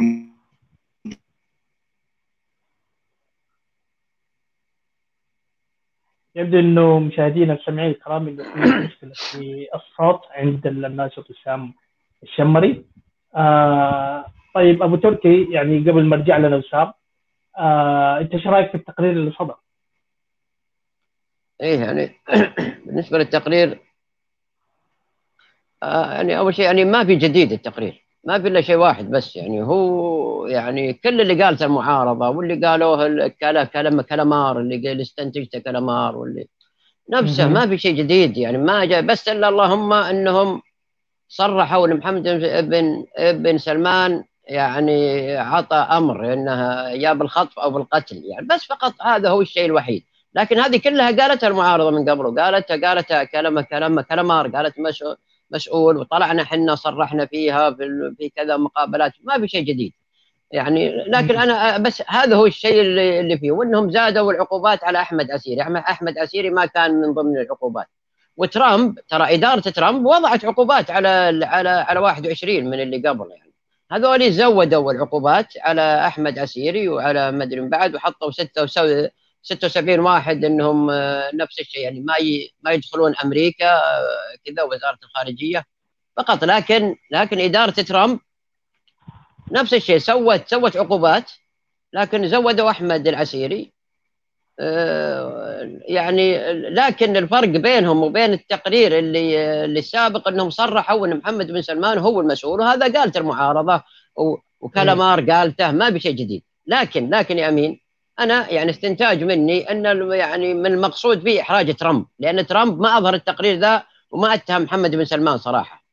وهم إظهار التقرير ذا إحراج لترامب. شوفوا ترامب لأن ترامب بي بي يعني على أساس إنه بعيد انتخاب نفسه هذا إسقاط لترامب. يعني من الآن إسقاط. لترامب الآن عشان ما يجي وللحزب الجمهوري عشان ما يستمر ولا شوف يعني ما وضعوا عقوبة على محمد بن سلمان. ما وضع عقوبة عليها. وبايدن بايدن قال قال لا نضع عقوبة عشان ما تصير العلاقات تسوء مع النظام السعودي مع فلن لن يضع عقوبة لكن الهدف منه الهدف منه إن إحراج ترامب. وعشان ترامب ما يقدر يجي وان وإن إدارة ترامب كانت يعني يعني خاشة الشيء هذا وكذا يعني. ثاني يعني, يعني ثاني ثاني هدف الضغط على محمد بن سلمان في الأهداف اللي يبغى يسويها ترامب آه بايدن الآن. بايدن عنده عنده عنده عنده خطة في اليمن عنده خطة في مع إيران عنده خطة يعني آه يعني يعني إي في النظام السعودي في حقوق الإنسان وكذا. فعلا هذه هذه هذه موجودة عنده. هو ضغط على محمد بن سلمان يعني الضغط عشان يتنازل. لكن ليس لإزالة محمد بن سلمان نهائيا. أنا لا أعتقد إنه يبغى يزيل محمد بن سلمان. يعني سلمان مناسب لهم. يعني حقوق الإنسان اللي طالب فيها بايدن أنسب لها محمد بن سلمان. بس انه قرصه إذن يعني تأديب له إنه اترك ذا واترك ذا وخليك معنا في كذا يعني. لكنها يعني ممكن يعني بشكل يعني مباشر يعني مثل ما أنت ذكرت يعني وكثيرين طلعوا وممكن بعض حتى انصدموا ردة فعل كانت جدا سلبية بسبب التقرير لأنه استشفوا من التقرير مثل ما أنت ذكرت يا أبو تركي إنه بايدن ما راح يقدر يتخذ إجراءات يعني عقابية أو جزائية بحق محمد بن سلمان على الأقل بشكل مباشر لكن بشكل غير مباشر كل شيء وارد يعني هذا لا ما ما لا. يعني حتى هذا ما تتصور إنه ممكن يصير إنه يكون في لا. يعني آه مثلا تحجير على محمد بن سلمان آه التضييق عليه بشكل غير مباشر بحيث إنه بدل ما نحن نعاقبك بشكل مباشر وتتعل وتتأثر العلاقات الأمريكية ولا ونظام بن سعود لا نخليها نحن بشكل غير مباشر ويكون يعني إيش انتقال سلس للسلطة بشكل يعني مثل ما بيقولوا إزاحة بن سلمان بشكل يعني سلس وبدون أي ضجة. وبالتالي يعني خلاص يعني أكثر الناس حصلت على اللي تبغاه اللي هو إزاحة بن سلمان إيش اللي يمنع إنه يصير هذا الشيء؟ بشكل يعني غير مباشر. لا ما يصير يا أمين. أنا أنا أعتقد إن بايدن يعني ما هو مو زي شبه مع مع إيران. يحاول يحتوي إيران يحاول يحتوي ذولي. الحوثيين اللي هم اللي هم يصرحون له بالعداء يعني يصرحون لأمريكا. إيران تقول الولايات المتحده إيران أمريكا الشيطان الأكبر يعني. محمد سلمان يقول أمريكا ربنا يعني. فيعني فهو من نوع من الاحتواء بس احتواء فيه نوع من الضغط من التخويف من التهديد. لكن أنا أشوف احتواء لمحمد بن سلمان لكن فيها نوع من التأديب له. تأديب والتخويف إنك لا تجل يعني لا عاد تسوي الأشياء هذه وإنك زي ما قال ابو ابو داود إنها يعني لكني ما أعتقد انه انقلاب ما انقلاب لا لا لن يحصل هذا لأن الاتصال اللي سابق الاتصال السابق هذا يفسر لك إنه ترى ما في انقلابات ولا في شيء وحنا نحبك ونحبه عادي ما لا تخاف من شيء بس هذا شيء وبعدين على أساس يثبت بايدن عندهم يثبت إنه نفذ لأن قال بخلي النظام السعودي مجرم وبخليه منبوذ لازم ينفذ وعوده لأن عنده انتخابات جاية هو. لازم ينفذ وعوده في الانتخابات لازم ينفذها. فهذه من تنفيذات الوعود اللي وعد بها لازم يظهرها. وحتى ال ال ال يعني يعني تصرفات بايدن الآن تصرفات الآن اللي صار مثلا يعني آه، يتجاهل فيها إسرائيل والنظام السعودي ذي يعني أغضبت كثيرين من من الامريكا حتى صرح صرحوا بعض النواب الأمريكيين إذا يقول لو لو يقولون نحن نثق. يعني واحد منهم يقول لو أعيد انتخاب ترامب سوف يفوز ترامب. فهو الآن يحاول يسقط ترامب. يعني من التصرفات اللي الآن بدأ يمارسها وأنا ما أعتقد أنه بيزيل محمد بن سلمان، محمد سلمان الآن مع يعني اللي الممارسات اللي مارسها مع محمد سلمان بايدن مارسها مع نتنياهو. مارسها مع إسرائيل. فيدل أنه يعني خلاص يعني يطقني وطقه بيصيرون حلف. هذول حلف الآن. هذول حلف. وأعتقد أن هذول قوي قوي. يعني هذا حلف آه، قوي. لكنه نوع من الاحتواء نوع والآن هو يحتوي إيران الآن. فبالك يحتوي اصدقائه الآن هو يحتوي اعدائه الآن. فاصدقائه وعبيده الآن ما أنا أسميهم عبيد يعني عبيد هم زي وشلون أنا؟ وشلون عاد عدوه قام يحتوي؟ فعبيده أولى هو نوع من الاحتواء والتأديب وكذا فقط علشان يمشون معه في خطته مع إيران وفي اليمن وكذا يعني. يعني أنت شايف يا أبو تركي عشان كذا هو يعني محمد بن سلمان ادعى إنه هو راح المشفى وعنده عملية ولازم يسويها وفي النهاية طلعت الحكاية إنه يعني إحنا بس نعطيك يعني يعني قفا عشان يعني تهدي شوية إي إي إي أنا أنا أعتقد إنه هو هو يوم راح المستشفى من الخوف والقلق يشوف الواحد أحيانا إذا يمغص يمغص بطنه يروح الحمام وكذا. فهو من الخوف والقلق ذي يعني يمكن جاه التهاب في شيء أو شيء أو كذا يعني. وبالنسبة يا أمين أنا بس يعني في تعليق إن يعني بايدن ذكر لسلمان حقوق الإنسان والديمقراطية وذي إيه. حقوق حقوق نعم. الإنسان وهذه هذه كل دول العالم ملتزمة فيها. ويحق لاي دولة في العالم إنها تعاقب أي دولة تخالفها. حقوق حقوق الإنسان كلها لأنها حقوق سياسية اي أي سياسية. ومبادئ الديمقراطية جزء من حقوق الإنسان. لكن دائما الدول هذه تروج لإيش؟ لحقوق الإنسان ومبادئ الديمقراطية، الديمقراطيه حقوق الإنسان. فهذه كل الدول يحق لها تتدخل، ما يقول مالك مالك دخل، هذا شأن خاص، لا لا لا لا، هذا شأن عام، هذا دولي، كل الدول ملتزمة فيه، والأمم المتحدة ملتزمة فيه. هذا من مبادئ القانون الدولي حقوق الإنسان. الديمقراطية مبادئ القانون الدولي. فكل الدول ملتزمة في تحقيقها والأمم المتحدة تعاقب اللي يخالفها الدول تعاقب اللي يخالفها فيعني ما يقدر. فهو بايدن مسوي دعاية لنفسه إنه يا يا يا سلمان نبغى حقوق الإنسان والديمقراطية. نبغى نحافظ عليها. نبغى كذا نبغى كذا. شيء روتيني يسويه. أنا أعتقد لأني أنا بصراحة أنا يعني يعني آه، لأنه ما في شيء في الواقع ما في شيء في الواقع يا أمين. لو وخر محمد بن سلمان بيجيبون أحمد؟ اي يعني بيوخر محمد سلمان بيجيب أحمد؟ إحنا ما نبغى كذا يا نبغى حق تقرير المصير نبغى الديمقراطية. نبغى نبغى السيادة للشعب. هل دعا لها بايدن السيادة للشعب؟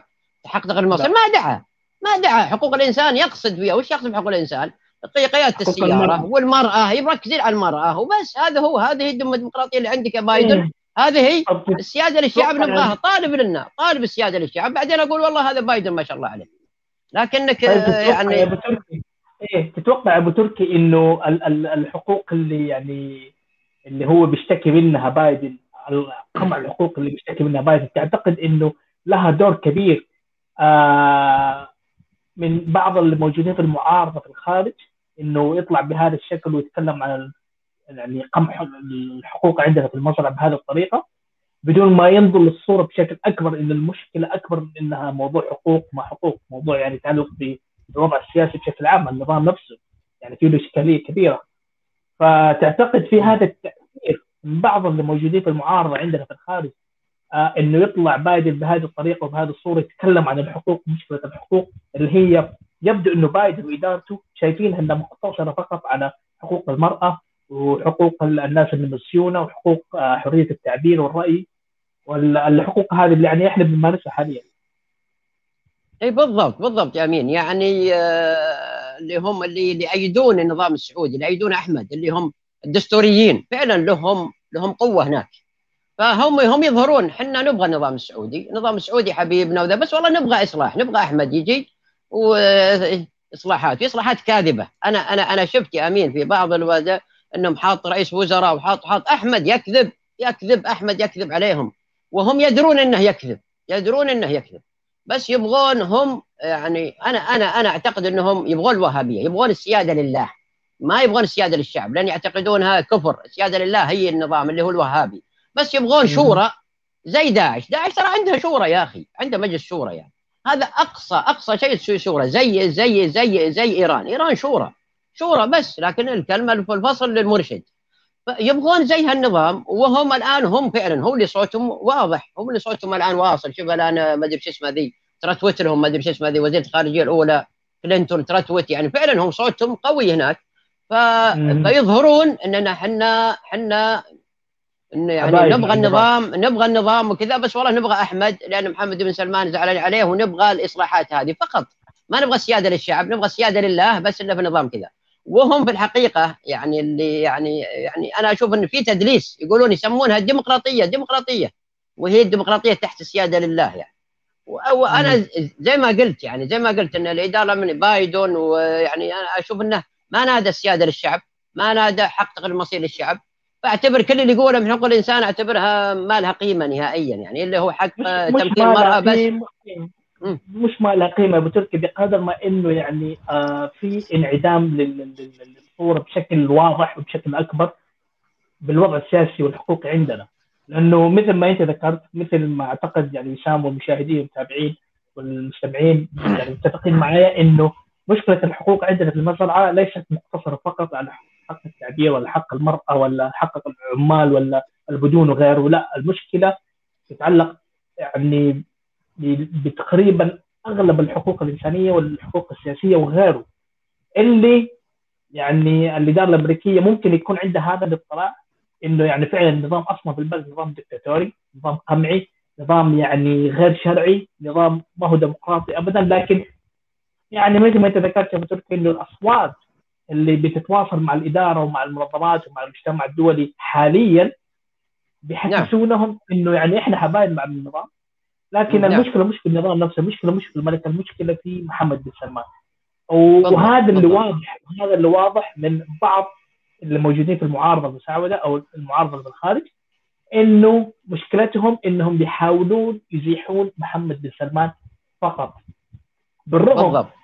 من بالرغم من انه محمد بن سلمان يعني للأسف يعني لو إحنا بنطالع من جهة أخرى أو زي ما بيقولوا ال bright side لمحمد بن سلمان. حنكتشف إنه يعني آه يعني قبل كم يوم أعطى للمرأة حقها إنها تدخل الجيش وقبل قيادة السيارة وقبلها يعني تتوظف ولها نفس المساواة مع الرجل. وفتح السياحة ويعني بيحاول يخلي الدولة منفتحه ووفر هذا النوع من حرية حرية الترفيه. ف يعني ما يعني ما أدري يعني أنتم ما بتشوف إنه في لخبطة يعني عند هذه الفئة من المعارضه اللي يعني بتركز على ان بن سلمان هذا يعني كخة بس إحنا حبايب مع النظام. إي ف... بالضبط يا أمين. نعم زي ما زي ما قلت وفي في ناس اللي يعني اللي اللي في حقوق الإنسان زي بايدن ذي ينظر ذي ترى نظرة إيجابية ذي لأنه هذه عنده في حقوق الإنسان لكنه يعني يعني زعلان على شيء معين في محمد سلمان إنه يعني في المعارضه مثلا أو أو يسجل إيه، فقط يبغى يوقف على اي اي بالضبط بالضبط بس لكن ما يبغى يعني يعني مثلا سيادة الشعب مثلا لا لا. ولا هذه أنا أشوف إنهم لاني أمين أمين من القواعد إنه أهون أهون أهون الشرين. محمد سلمان أهون من محمد من محمد أحمد بن عبد العزيز أو أي أحد ثاني يجي ويقوي الوهابية أكثر عنده. محمد سلمان أهون أهون الشرين شر كلهم شر بس هذا أهون. وهذه يعني أنا يعني لكن يعني يعني زي ما قلت يعني إذا إذا بايدن والإدارة حقته ما دعت إلى السياده للشعب أنا أعتبر كل دعواتهم دي ما لها قيمة لأن السياده هو الأساس هو اللي بيجيب الحقوق كلها كلها والقوانين أساسا المفروض بايدن ما يطلبها من سلمان ولا محمد سلمان يطلبها من الشعب. المفروض القوانين ذي يسويها الشعب وحقوق الإنسان يسويها الشعب. ما يطلب يا أخي يسوي يا سلمان حقوق حقوق الإنسان لا لا لا الشعب الشعب عطي الشعب حقه خله هو الشعب هو اللي يسوي قوانينه المبنية على حقوق الإنسان. لكن لا تطالب آه، محمد سلمان ولا الملك سلمان يسوي. فأنا أشوف إن دعوات بايدن حقوق الإنسان والديمقراطية أشوفها ما لها قيمة ما لها قيمة وكلها خداع فقط. لكن لو إنه صادق يطالب السيادة للشعب. فقط يعني. هذا هذه انت أبو تركي بال بال باللي أنت ذكرته قبل شوية تركي يعني. ما أعتذر منك يا وسام لأنه انت عارف النقاش مع أبو تركي يعني فيها معلومات مزعجة للكثيرين يعني كثيرين من المعارضة حتى الناس اللي في الداخل. ف انت أبو تركي قبل شوي قلت إنه يعني بايدن حبيب مع ابن سلمان بس اللهم أنت يعني صح إنك كخة بس مسوي بعض الحقوق لكن آه يعني لا تزودها شوية وتروح تدور على المعارضة وتغتالهم وتطارد وراهم. أبو تركي أنت ما بتعتقد إنه هذا ممكن بيصعب على الفئة اللي موجودة في المعارضة اللي تطالب بساحه محمد سلمان بالكلية؟ آه من تصرف بايدن هذا؟ بالضبط. نعم نعم. هو حتى هم ترى هم صار لهم خيبة أمل. لو تشوف أن أنت تتابعهم ذي خيبة أمل. ما ما ما جاب شيء جديد. ما جاب شيء جديد. ما في عقوبات على سلمان. وقبلها اتصل على على الملك سلمان وقام يسلم عليه وش أخبارك وكذا. يعني هذه كلها واضحة إنها إنها بس إنها يعني آه، ترى شوف أمين لو سكت بايدن على اللي يصير الدول كلها ما يقدر ما يقدر بايدن يسكت على قتل خاشقجي وعلى وعلى سجن المعارضين ما يقدر يسكت إقامة لأن الديمقراطية حقوق الإنسان الأمم المتحدة في واشنطن الأمم المتحدة في أمريكا. فكانه كأنه يؤيد محمد سلمان لابد إنه يستنكر لابد إنه يشتم. هو بايدن زي زي الدول العربية اللي قامت تشتم وتستنكر هو طالع يشتم ويستنكر فقط.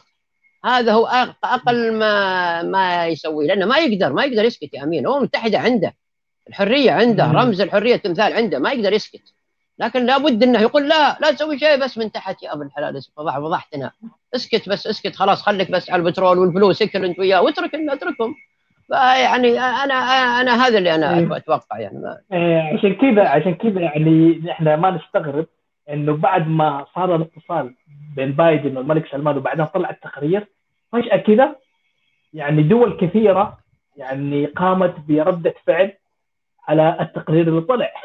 فيعني كأنهم كذا منتظرين انه أمريكا تتكلم على الجريمة هذه وإيش اللي صار ومين المتورط فيها بشكل رئيسي أو لا عشان هم كمان يبدأوا يردوا إذا ما ردت أمريكا فإحنا ليش نرد؟ يعني عارف فعلى الأقل هذا شيء ملاحظ يعني اللي ما بيلاحظه لازم تلاحظه آه وسام يعني طبعا طبعا أمين بس معلش يا أمين بس تعليق بس آه اعذرني يا أبو داود. طبعا هم هم أمريكا وكذا يعني بايدن وجهة يعني في القانون الدولي يعرفون إن النظام السعودي نظام باطل. نظام باطل يعني. لا ليس له شرعيه شرعية. لكن يتعاملون معه تعامل يعني فعلي للمصالح وكذا. لا. لكن يعني المعارضة تحرجهم. تحرج أمريكا وتحرج النظام الدولي وتحرج القانون الدولي. ولا بد إنهم أمام الإحراج ذا يتصرفون. وهذا هو التصرف ذا اللي يصير أنا أشوفه امام أمام العالم بسبب المعارضة. يعني ردة فعل الامتصاص اللي يصير يعني ما يقدرون يسكتون. بس هذا اللي عندي. طيب آه وشام أنت إيش رأيك في التقرير اللي طلع؟ وأكيد أنت طلعت عليه قرأته يعني لأنه باللغة الإنجليزية يعني. نعم أنا يعني أنا يعني في في بعض الأمور أتفق فيها مع أبو تركي. لكني أختلف في في مسألة إنه يعني السعوديه تم حل بالسعوديه والآن هذه البقرة سوف تذبح. بهذا رأيي. وهذا اللي أشوف بايدن. كيف؟ الثمرة حان وقت قطافها. إني ارى رؤوسا قد اي يعني حان وقت قطافها. اي اي هو بالنسبة لبايدن ما تفرق عنده يعني ما تفرق عنده أحمد آه سلمان بن سلمان ما تفرق عنده يعني ما ما ما فيه علاقة شخصية أصلا ما يعني هي هذه أمريكا دولة دولة مؤسسة تعمل حسب مصالحها ولا ولم يعد في عندهم مصالح أصلا في السعودية. آه كانت مصالحهم بترولية في السابق الآن خلاص يعني ما, ما هم بحاجة لبترول السعودية. فبالتالي السعودية تجلب لهم مشاكل أكثر من ما انها آه تغطي مصالحهم. التخلص منها أفضل يعني. أنا كذا أنظر يعني أشوف الأمور.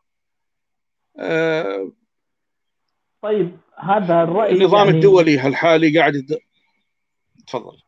قاعد إيه؟ قاعد إيه؟ النظام الدولي الحالي النظام الدولي حاليا قاعد يتغير يعني. النظام الدولي الحالي قاعد يتغير قاعدة تطلع قوة آه اسمها الصين آه التحالفات تغير. آه أنا لا أشوف أنا ما أقدر أنا ما ما أشوف يعني أنا أنا اللي أشوفه إنه لن لن يستطيع الغرب الوقوف أمام الصين بدون العرب والمسلمين يعني. أنا هذا اللي أشوفه يعني. الغرب بحاجة للمسلمين وبحاجة بالذات للعرب يعني وما أعتقد طيب إنه يعني مش... إيه بس هذا ما بيسهل اذا إذا أنت بتشوف إنه يعني ما في يعني يعني إذا أنت بتشوف إنه الغرب بيحتاج العرب والمسلمين عشان يقفوا ضد الصين طيب إيش اللي بيخليهم يعني آه. ينقلبون على محمد بن سلمان ولا على بن سعود بالكامل؟ لأن هم بأشد الحاجة للناس هذه لأن سؤال سؤال جميل. يعني التجربة اللي مروها بالسابق في أفغانستان. خلقت أسامة بن لادن وخلقت وهابية وإرهابيين وراحوا طقوهم في نص واشنطن في في في, في نيويورك. فالحين إذا بيستخدمون المسلمين ما عاد راح يخلقون مسلمين راح يخلقون خلينا نقول إرهابيين وراحوا يفجرون في واشنطن بعد. فهم خلاص هم خذوا التجربة وفهموها. فإذا هم يبوا يتعاملون مع مسلمين أو يتعاملون مع عرب فلن يكون مع الأنظمة الحالية. سوف يتعاملون مع نظام جديد. ومنها السيادة للشعب إحنا نطلب السيادة للشعب هو لن يستطيع أصلا يوقف قدام قدام الشعب. عندما يطالب الشعب بسيادته بايدن ما راح يقدر يوقف بوجهه. ولا غير بايدن فهو داري إن نهاية الموجات هذه راح تنتهي في إن السيادة للشعب. يعني حتى مثل ما قلت حتى لو أحمد بن عبد العزيز جابوه وحطوه وصار ملك هذا لا يعني إن الفدراليه ما تيجي. طبعا لا ما يعني التغيير قادم يعني. موجات موجات الربيع العربي أو التغيير العربي. جاية يعني. هذه انت الدراسات يعني الاستراتيجية يعني موجودة يعني. اكد هذا نعم. إيه بس اللي أنت ذكرته الآن يا وسام يعني آه يعني يعني تقريبا مختلف تماما عن الرأي اللي ذكره يعني المستشار يعني محمد القحطاني يعني لأسباب وعوامل يعني غالبا تتعلق يعني بالخطه اللي يبغى يسويها بايدن في آه في الشرق الأوسط. آه يعني وكمان أنت ذكرت نقطة إنه الصين والصين وقوة عالمية والوضع بيتغير وفي تحالفات هنا وهناك لكن يعني حاليا الصين ما تقدر حتى لو كانت معها روسيا لكن أمريكا عندها دول كثيرة حليفه لا عندها قواعد تقريبا في كل مكان فالموضوع يعني لو نظرنا لها من ناحية إقليمية أو من ناحية يعني دولية يعني حيكون متشعب جدا. لكن لو نحن ركزنا فقط على المزرعة اللي إحنا فيها آه نعتقد يعني انه الصين يعني حيكون لها يعني تقدر تقول يعني دور كبير من ناحية إنه بتحاول إنها ممكن يعني آه تسيطر على المنطقة لأنه أنت بتقول إنه العرب والمسلمين هم اللي حيوقفوا جهة آه يعني ضد الصين والغرب بحاجة إليهم. طيب في نفس الوقت الحكام أنا أنا نعم. أنا أنا اللي قلت أمير أنا أنا اللي قلت في منطقة الشرق حكام في منطقة الشرق الأوسط يعني حبايب مع أمريكا. فإذا صارت في ديمقراطية وصار في تغيير حتعتقد إنه هذا الديمقراطية وهذا التغيير راح يكون برضه مع الغرب. خصوصا إذا عرفنا ورجعنا يعني للتاريخ الإسلامي يعني كان قائم على القوة يعني عندك 1400 سنة والقوة هذه المسلمين والعرب بيحتاجونها وهي موجودة عند الصين ف يعني إيش قولك يعني؟ أنا أنا اللي أشوف أنا اللي أشوف انه يعني الدول الغربية أنا ما أنا لا أؤمن في في المؤامرة يسمونها نظام المؤامرة. أنا لا لا أؤمن فيه. أنا اللي أشوف انه يعني النظام الأمريكي والنظام الغربي نظام مصالح لا أكثر ولا أقل. مصلحته مع النظام السعودي. بيمشي مع النظام السعودي. مصلحته مع غيره. بيمشي مع غيره. يعني هذه هذا هو كذا نظامهم. آه، بالنسبة بالنسبة للصين طالعه طالعة وخصوصا إنها بعد يعني قبل شهرين آه، تم الموافقة في البرلمان حقهم. تم الموافقة على ان استخدام استخدام القوة العسكرية الصينية خارج حدود الصين آه، ومحاربه ف يعني أنا وهم عارضين عارضين على إيران انها يقدمون أعتقد 400 إلى 600 مليار دولار خلال 25 سنة مقابل البترول الإيراني وفتح معسكرات وفتح فتح قواعد عسكرية صينية في المنطقة. يعني هذا شيء واجد موجود. وحتى في الباكستان عندهم قاعدة بحرية يعني عندهم الصينيين موجود لهم قاعدة بس عسكرية موجودة في في معناته كذا إنه إحنا مقبلين على حرب في, عالمية في باكستان. عشان آه. عشان القوة اللي موجودة حاليا تتغير. لأنه مستحيل الصين حتحصل على إلى حد ما. نعم نعم إلى بدون يعني حرب نعم نعم, عالمية. نعم طبعا طبعا.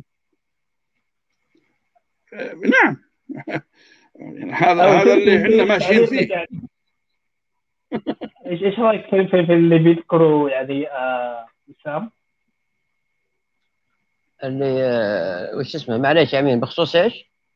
وبداود ذكر أشياء كثيرة بخصوص إيش بالضبط؟ يعني موضوع الصين وموضوع انه الصين يعني تغيير وما التغيير وعندها قوة عسكرية ويعني برلمانها برلمانها يعني عشان آه، هم يبدأوا يحتلوا العالم فلازم يدخل يتدخلوا عسكريا في بعض الأماكن اللي ما لها أصلا دخل في الصين يعني.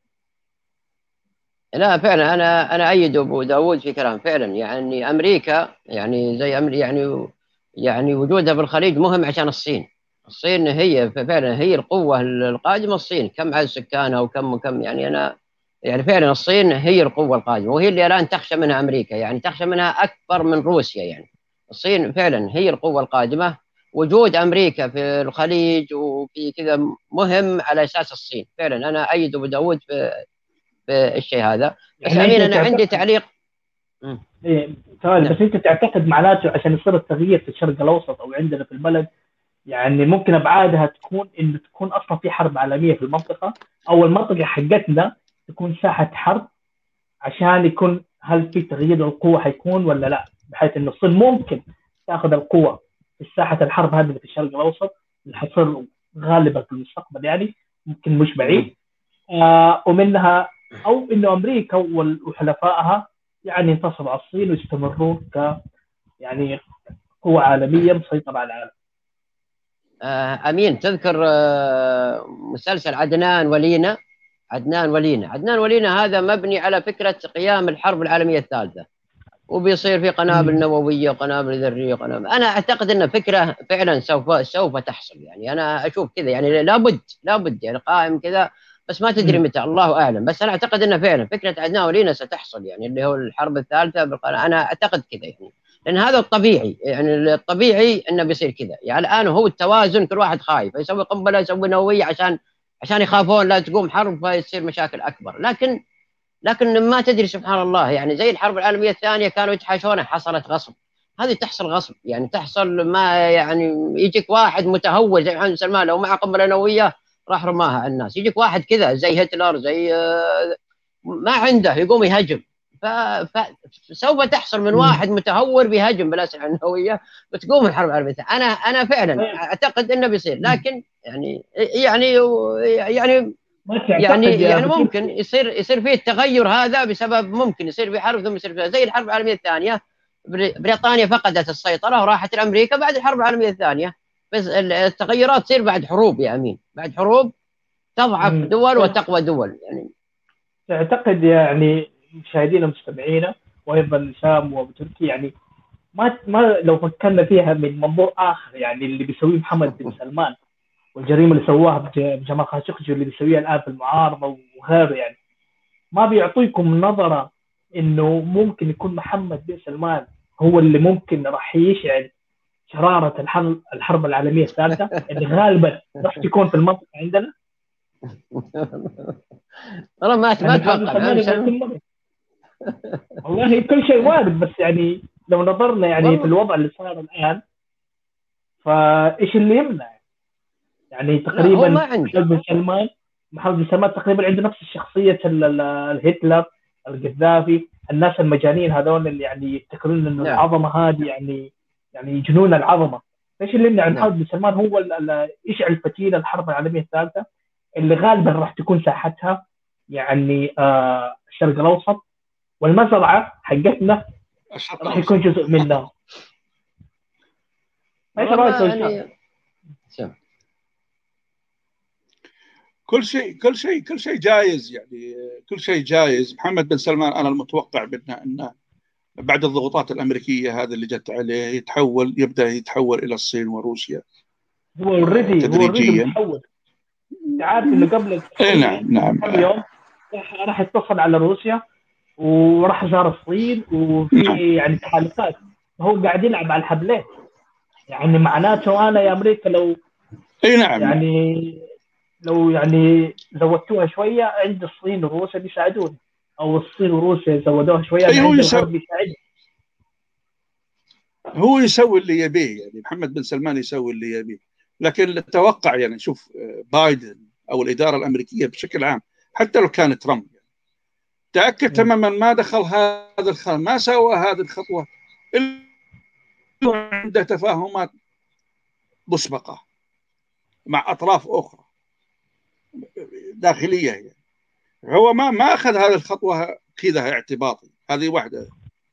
التقرير اللي نزل هذا يمنع سوف يمنع إسرائيل من الاستمرار مع محمد بن سلمان. ترى يعني التحالف اللي قاعدين يتكلموا عنه آه، السعودية إسرائيل آه، بالرغم إن هذا التحالف أنا أصلا ما أشوفه.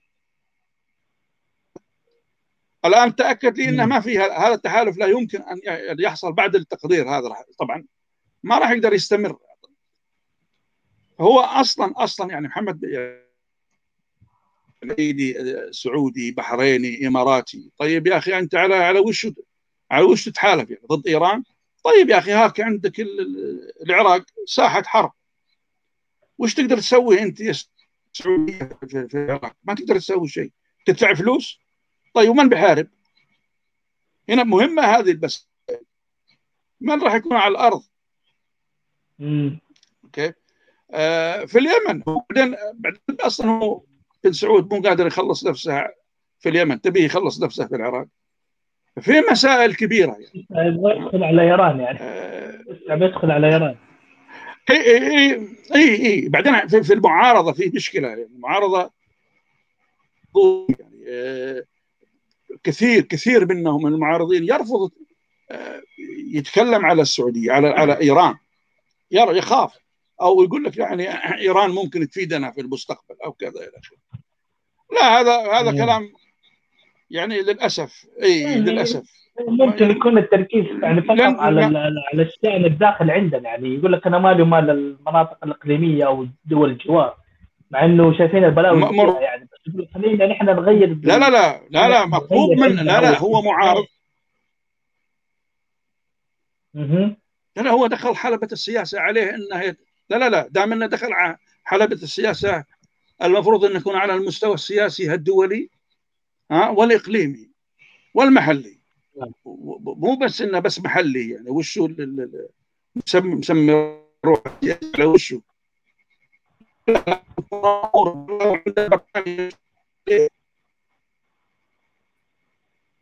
شو الأكاديمية مضاوي عمرها ما شتمت ما عمرها ما ما تهجمت على إيران ليه؟ تتهجم على السعودية وعلى النظام وبالأخير تروح على النظام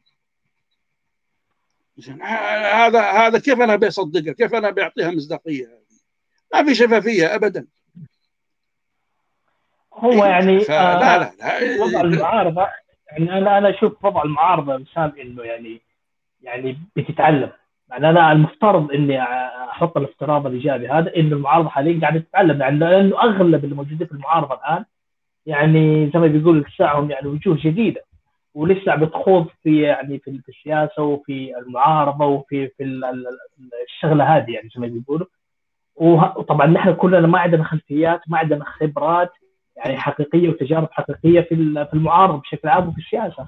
لما ندخل في شيء زي كذا جديد علينا بالكلية يعني أكيد حيكون في تخبطات.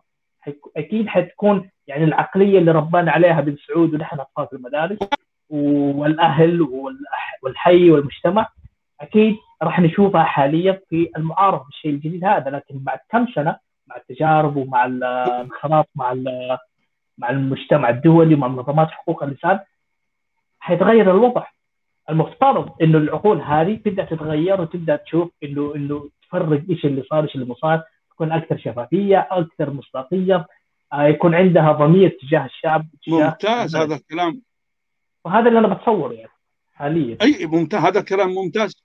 لكن ما عندهم انفتاح يعني عفوا عفوا. أنا أنا مع الرأي الآخر يعني. إيه الانفتاح الانفتاح هذا برضه من ضمن العقلية ومن ضمن يعني الحياة اللي إحنا عشناها داخل البلد. يعني أنا برضه كنت يعني كنت منغلق يعني. يعني قبل كم عشر سنين حاجة زي كذا وأخذت سنين عشان أكون منفتح ومتقبل و... وأسمع للناس وأخذ واعطي معاهم وما افرق بين أبيض وأسود مسلم غير مسلم وهذا. أغلب اللي في المعارضة ما زالوا داخل أمين يعني الغلاف.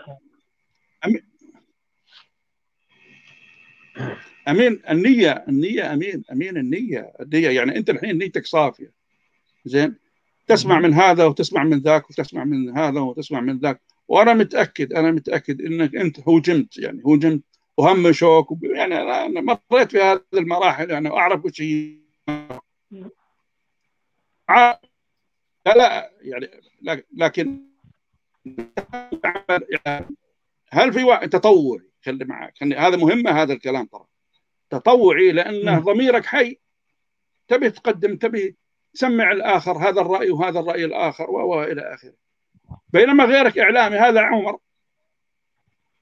الكرسي اللي جالس عليه يعني. يوحي لك انه مدفوع له رجل مدفوع له يعني. الرجل غير تطوعي ما يعمل عمل تطوعي.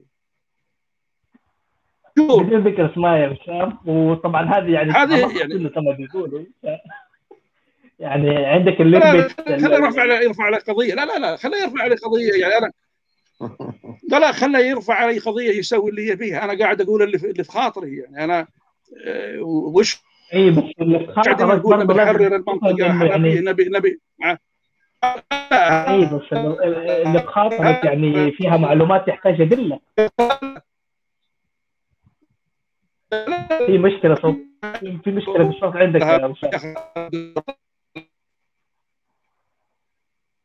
آه يبدو إنه في مشكلة تقنية عند الاخ هشام آه طبعا هو ذكر معلومة عن عمر إنه الكرسي اللي هو قاعد عليه يعني مدفوع له ف يعني أنا طالبه بشيء يثبت هذا الشيء. آه هو بيرجع له إنه يفصل يعني المعلومة اللي هو ذكرها طيب أبو تركي يعني لو نحن نظرنا الآن للوضع القانوني السياسي والشخصي لمحمد بن سلمان بعد ما صدر هذا التقرير أنت إيش رأيك؟ يعني راح يكون وضعه قانونيا سياسيا شخصيا؟ مع إنك أنت ذكرت كثير يعني. وصفت كثير يعني إيش ممكن راح يصير فيه بعد ما طلع التقرير يعني. والله يا أمين شوف يعني الاعتداء على حقوق الإنسان هذه يعني يعني جريمة دولية دولية يعني يعني معروف إنها يعني أي أي أي فقرة من حقوق الإنسان اعتداء عليها جريمة دولية دولية يعاقب في أي دولة. هذه عالمية المحاكم العالمية العقوبة العالمية. بس الآن اللي اللي اللي اللي في أمريكا الآن واللي سوته بريطانيا إنهم اكتفوا بال بال بالمجموعه ال 21 ذولي يعني جمدوا أرصدتهم ومنعوا دخولهم للدولة. فقط هذا هذا اللي سواه لكن يفترض يفترض يا أمين أنا أذكر كأن في معاهدة ما أدري وش إنها يعني تجعل الحق تجعل الحق يعني هذا ترى في حقوق الإنسان يعني تجعل الحق إنه انه يحاكم وأن المدعي وأن المجني عليهم. المجني عليهم يدعون عليه ويحاكم. أي أي أحد ينتهك حقوق الإنسان. لكنها غير مفعلة. غير مفعلة. الدول ما ما تفعلها إلا في الحروب. إلا في الحروب. زي زي حق السودان أو زي ذولي في محكمة العدل الدولي الدولية أو زي مينمار يعني في الإبادة الجماعية يفعل يفعلونها. بس في الإبادات الجماعية.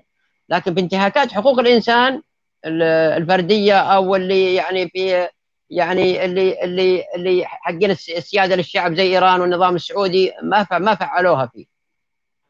يعني لكن أنا أنا اللي أقصد أنه ما راح يجي شيء ما راح يجي شيء لكن أقصى عقوبات بتصير زي كذا تجميد الأرصدة والمنع من دخول آه، أمري أمريكا فقط يعني. لكن يملك أي لكن يملك أي يعني من المجني عليهم أو كذا يرافع عنهم يعني يطالب بحقه يعني لأنها هي تعتبر هي دولية يعني يعني أو إيه، حتى المعارضة نفسها المعارضة أي أي أي أحد من أفراد الشعب يملك يحاكم محمد سلمان في أي في أي دولة لأنها عالم عالمية. وفي فكرة يا أمين هذه من حسنات المعارضة. لو المعارضة ما هي موجودة بالخارج كم ما شفت هجوم بايدن وشفت هجوم الأمريكي وشفت هجوم ذي المعارضة أنا أشوف قوتها في الخارج ليس بالداخل. يعني في الداخل ما لها قيمة يعني ضعاف لكن في الخارج شوف يعني اضطر بايدن واضطرت الإدارة الأمريكية واضطر حتى بريطانيا الآن ند ند ند ندد اضطر إنها تستنكر آه انتهاكات حقوق الإنسان والديمقراطية تستنكر. فمع الأيام أنا أتوقع مع مع الأيام لو تطورت المعارضه إلى فكرة السيادة للشعب ممكن فعلا لأن هذا من حقك من حقه. ملزمة الدول ملزمة المتحدة إنها تلبي السيادة للشعب. الان الآن قائمة الآن تلبي اللي هي الدول هذه والامم المتحده تلبي جزء من حقوق الإنسان اللي هو اللي هم يطالبون فيه حق المرأة هو حق حرية التعبير. مع التطور أتوقع لو استمرت المعارضة في السيادة للشعب يجي حق تغيير المصير. تصير بايدن آه، يعني يصير الاداره الامريكيه تطالب بحق تغيير المصير. الامم المتحده تطالب بحق المنظمات تطالب بحق تغيير المصير. هذا طبعا يعتمد على المعارضة وعلى إيصال أفكارها للمنظمات الدولية وللدول. لكن أصحاب السيادة لله لا يريدون التدخل هذا. يعني يعتبرون تدخل الأمم المتحدة أو تدخل آه، الدول هذه يعتبرونه كفر ما يجوز. عندهم كذا لأن هذه الدول حربية هذول محاربين يعتمدون على الشعب نفسه. ما تشوف دائما يخاطبون الشعب الشعب إحنا نعتمد على الشعب. يعتبرون أن تدخل الامم المتحدة أو الدول ذي كفر. كفر لا تدخلونهم. لا ليس كفر. ليس كفر. السيادة للشعب أنت تريد حقك وتقرير مصيرك. أي أحد يجيب لك ما هو بكفر هذا. ليس كفر هذا. هذا من حقك أنت وأن تطالب بالقانون الدولي. القانون الدولي لذلك أصحاب السيادة لله شوف يتكلمون عن حقوق الإنسان. ليش؟ حقوق الإنسان هذه ما لها قيمة وهذه مفروضة على الشعوب. ليش مفروضة على الشعوب؟ لأنه هو هو صاحب السيادة لله. ما يبغى السيادة للشعب. لأن حقوق الإنسان قائمة على السيادة للشعب. فإذا جت حقوق الإنسان بتزيل منه السيادة لله. لذلك يهاجم حقوق الإنسان وهذه ليس لها قيمة لأنها مبدأ أصحاب ذول قائمة على السيادة لله. هذا أنت سألتني مرة أنها ليش يهاجمون حقوق الإنسان؟ لأنها مبنية على السيادة للشعب. وهذول مبنية على السيادة لله. ودائما يخاطبون الشعوب ما يخاطبون المنظمات الدولية ذي لأن المنظمات الدولية والدول اللي في الموقع على ميثاق الأمم المتحدة والقانون الدولي ملتزم القانون الدولي سوف تعيد للشعب يعني حقه القائم على تقرير المصير والسيادة للشعب. وهم لا يريدون كذا. لكن هذه من فوائد المعارضة يا أمين من فوائدها. وأنا أتوقع زي ما قلنا إحنا الفدراليه هي اللي بعدين مع التطور مع كذا هي اللي بتوصل الصوت هذا. لكن الصوت الموجود الآن عند المنظمات إنه لا السياده لله زينة وكذا بس نبغى الحقوق هذه. حرية التعبير والمرأة بس فقط فقط يعني. وحتى حرية التعبير داخل السيادة لله لا تخرج السيادة لله. حرية التعبير يطالبون فيها داخل السيادة لله فقط. طيب أبو تركي يعني إنه إحنا شفنا الوضع القانوني لمحمد بن سلمان يعني بعد ما صدر هذا التقرير يعني تقريبا ما راح تكون أي محاكمة لمحمد بن سلمان صحيح؟ نعم نعم صحيح صحيح صحيح. ما في يعني يعني ما في يعني زي ما قلت لك في معاهدة في معاهدة لا أذكرها تحاكم على على الانتهاكات هذه لكن الدول لم تفعلها الآن يعني. فعلت المحاكمات الأشخاص في, في الابادات الجماعية فقط في غير الابادات الجماعية لم تفعل لكن الدول الدول فعلتها في كذا في أنها مثلا في في المنع من في, في تجويد الأرصدة في المنع من الدخول في في حق في حق أي شخص إنه يحاكم بن سلمان في أي دولة يروح يروح إلى محمد سلمان يطلب محاكم محاكمته في المحكمة دي. فقط هذا هو اللي مفعل الآن اي بس أبو تركي هذا هذه المعاهدة ممكن تتفعل أيضا بحق محمد بن سلمان إذا نحن نظرنا لحرب اليمن لأنه أكيد محمد بن سلمان مسؤول عن حرب اليمن وأيضا أكيد متورط في جرائم حرب في اليمن. فإيش اللي يمنع إنه يتفعل هذا القانون؟ وبالتالي حتزيد عليه العقوبات وحتزيد عليه يعني التحجير زي ما بيقولوا. وبالتالي ممكن تتم إزاحته بشكل أو بآخر. لا ما أتوقع يا امين لأنه محمد سلمان أصلا معه هو معه أمري أمريكا داخله مع أمريكا. هي اللي تعطيه الإحداثات هي اللي تعطيه لا دخلت محمد سلمان بتدخل أمريكا معه في ذي. فهو لكن. هي الأساس اي الأساس إنه هو ما كان قصده يعني هو هو هو هو, هو كان قصده داخل ضد الحوثي. ضد الحوثي. يعني وهم وهم دائما اعترفوا وتأسفوا يقول لم نقصد لم نقصد اننا لأنه هو القانون الدولي. اي إي لم نقصد المدنيين ونعتذر وهذا خلاص هذا يكفي. يعني هذا يشيل عنهم انه إنه قاصد الإبادة. إنك تقصد الإبادة زي امين من من من مينمار زي الصين. هذا تقصد أنت واضحة. تجيب شعوب وتهجرها ذي لكنه يقصد ثم يقول اعتذر وذي وبعدين من هو اللي يعطيه الأقمار الصناعية؟ من وين؟ من أمريكا من أمريكا. فهو الخطأ مشترك بين الدول اللي معه من الدول اللي معه. في ضايعة ضايعة أساسا يعني. فهو يعني أنا أشوف إنها يعني لكن لكن إنها الآن هم يبغون يفتحون للشعب اليمني المساعدات الإنسانية وذي يعني هذا لكنه ما في. يعني أنا أشوف هذه يعني يعني محمد سلمان يعرف أمين يعرف واللي معه يعرف إنه لو لأنه يعني يعني دخوله ترى اليمن والحرب اليمن هذه لها شرعية لها شرعية لأن الحكومة الشرعية عنده وهي اللي طالبة الأمم المتحدة موافقة عليها. فهو له شرعية في ذي لكن يعرف إنه لو تجاوزها وسوى مثلا مثلا آذى المدنيين بيعرف إنه تجاوز. تجاوز الحد اللي مسموح له. فهو ما تجاوزه إلا بطريق الخطأ. أنا أعتقد كذا. إنه بطريق الخطأ ومعه مشاركة مع التحالف اللي هو معه أمريكا. أمريكا اللي تعطيهم الاقمار الصناعية. من وين الاقمار الصناعية يعرف ذي؟ هي اللي هي اللي تدعمه في الشيء ذا لكن بايدن وقفها الآن وقف الشيء. فأعتقد إنها يعني بس يعني. طيب آه وسام يعني إحنا يعني صار عندك مشكلة في الصوت وقطع الاتصال. إحنا وقفنا عند نقطة انه إنك أنت قلت إنه عمر الزهراني مدفوع له الكرسي اللي هو قاعد عليه مدفوع له. هذه معلومة خطيرة جدا. فعندك ما يثبت المعلومة هذه؟ والله الرجال عندي أو ما عندي؟ الرجال إذا في عنده شيء يروح يرفع عليه قضية. زين. والموضوع أكبر من كذا أصلا. إيه أنا فاهم. لأن هذه المجموعه هذه المجموعة إحنا لا لا لحظة لحظة لحظة لا لا لا لا لحظة لحظة. يروح يسوي اللي يبيه يعني. أنا ما ماني بسائل. هذه واحدة. الشغله الثانية إحنا طالب بن سعود واللي يشد معه يعني إحنا نبي نحرر حايل. أنا جاي أبي أحرر حايل. هذا الرجال جاي يبي يشيل محمد بن سلمان يحط لي بن سعود واحد ثاني. يعني هو أصلا من النظام نفسه. ما ما طلعنا يعني ولا جاي ولا. فالنظام عادي يدفع له. هو يبي يصلح يعني. حصل فلوس من أحمد العزيز. يعني هو النظام عنده فلوس. النظام عنده فلوس. بن عنده فلوس. إي بس عمر يعني توجهه أصلا.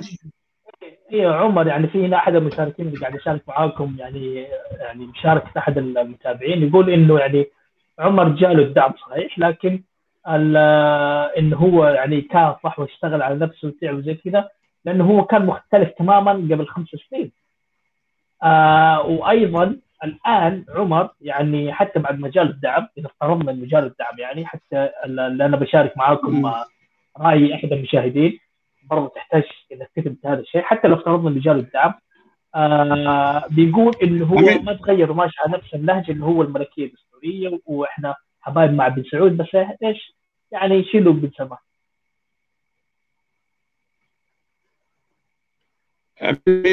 أحب في مشكلة عندك في الصوت يعني. لا مصداقيه ولا شيء.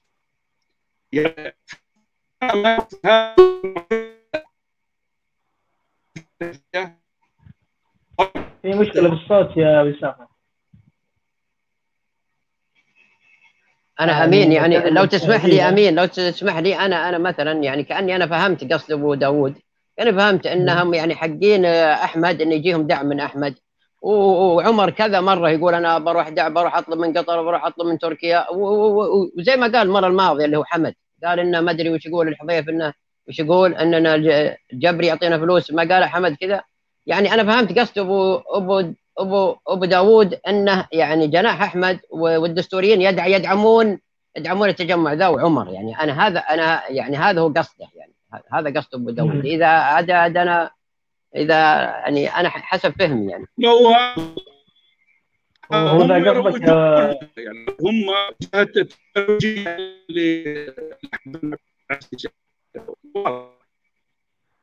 في مشكلة عندك في الصوت يا في مشكلة بالصوت يا وسام ما إحنا قادرين نسمعك فيا ليت يعني تدخل وتخرج مرة ثانية عشان إحنا نقدر.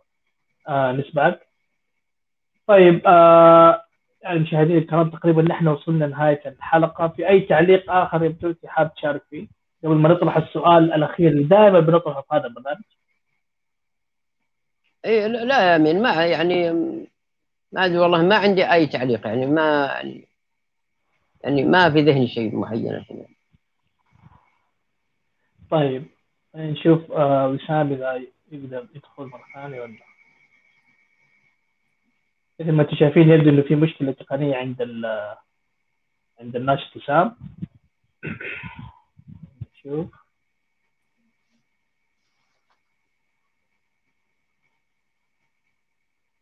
إيه وسام أنت إيش كنت تقول؟ لا ما.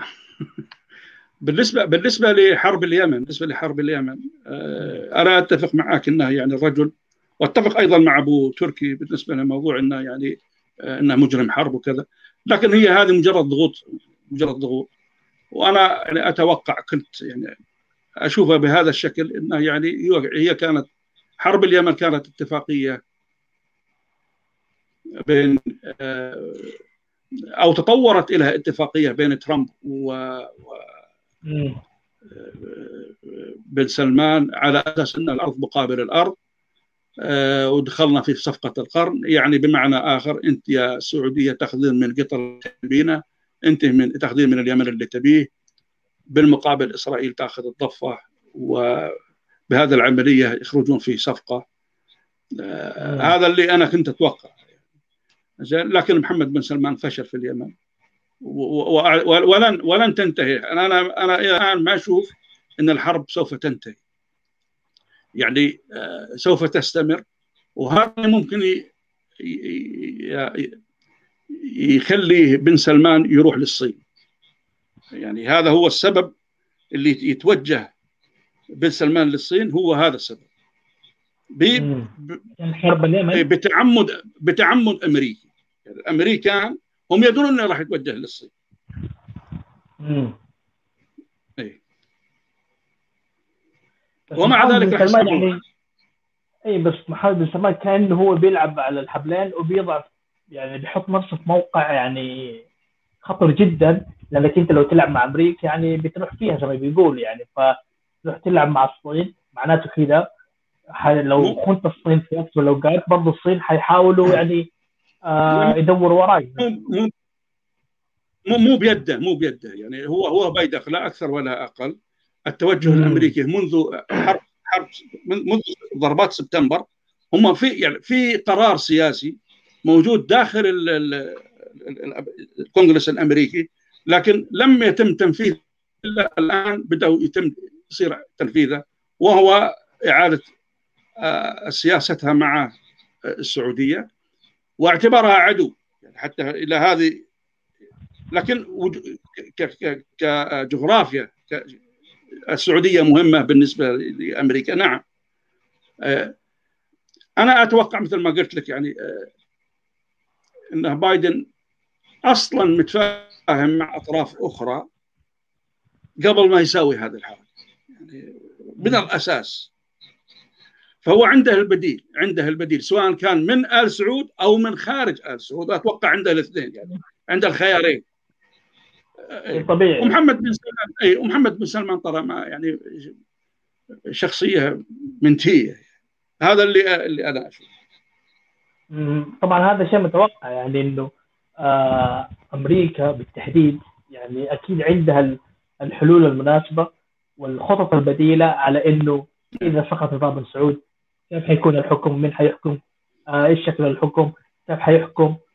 فهذا كله موجود ومدروس يعني من من زمان يعني أنا أتصور يعني مو بس حتى عندنا في المزرعه نعم. كثيرة يعني.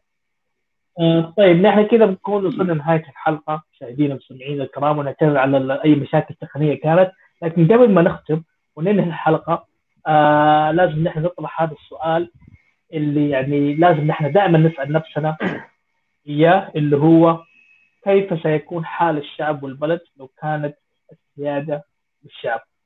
آه ما قولك آه وسام؟ بعد ال سوري بعد الدراما هذه اللي إحنا شفناها والأفلام اللي شفناها في آخر تقريبا ثلاث أربع أيام كيف حيكون ممكن وضع البلد وضعنا نحن كبشر في هذه المزرعة حيكون إذا كانت السيادة لنا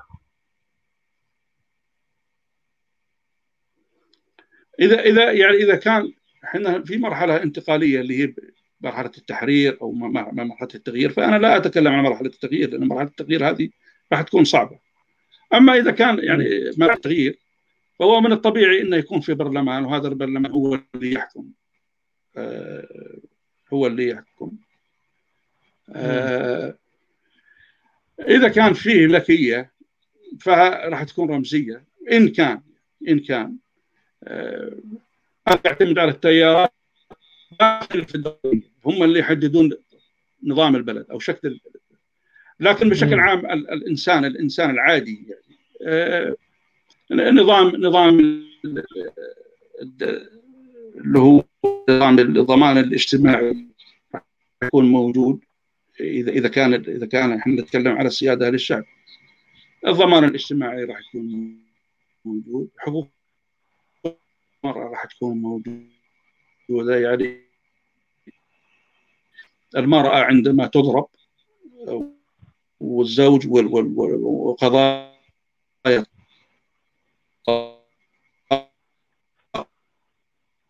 إلى آخره هذا راح لا لا في بالنسبة للسياقه حتى بالنسبة للسياسة. من حق الإنسان التعليم من حقه إنه يتعلم حتى لو كان كبير بالسن يعني. العمر ما له ما له. من حقه إنه يتعلم من حقه إنه يعيش حال حال أي إنسان بكرامة بكرامة. يعني أنا والله أنا أنا بحاجة إلى شيء ما أروح أخذ لي أروح على الأمير يعطيني شرف. هذا كلام زين أنا من حقي كمواطن إني إني أعيش مثل مثل غيري. إذا إذا الدولة إذا أنا ما إذا الدولة ما وفرت العمل أو العمل غير موجود فالدولة هي مضطرة إنها آه، تكون مسؤولة عن المواطن. مستوى مستوى الفقر. آه، خط الفقر.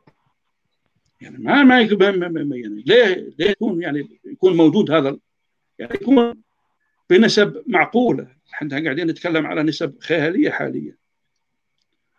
آه طيب يعني, يعني بشكل عام هذا يعني, و و و يعني أنت كيف حتكون كيف حتشوف يعني كيف حيكون وضع البلد؟ آه يعني باللي إحنا شايفينه الآن الآن يعني التقارير اللي طلع وتورط مع بن سلمان والعملية الإرهابية اللي صارت وهذا اللاجئ اللي رجع يعني تتوقع إنه هذه الأشياء ممكن ما راح يعني تحدث لو كانت السيادة للشعب؟ السيادة السيادة للشعب الشعب راح يكون عنده أو أو البرلمان أو الشعب راح يكون عنده مشروع مشروع آه، سياسي أو أو خلينا نقول تجاري العقول العقول الاقتصادية موجودة المشاريع موجودة الدولية سواء كانت دولية أو محلية. آه، الجغرافيا الجغرافيا قوية جدا جغرافيا السعودية آه، قوية للعمل عدة مشاريع دولية. طبعا أنا ما أتكلم على مشروع مثل نيوم وسياحة وخرابيط هذه ما لا لا أنا ما أتكلم عليها لا بالعكس.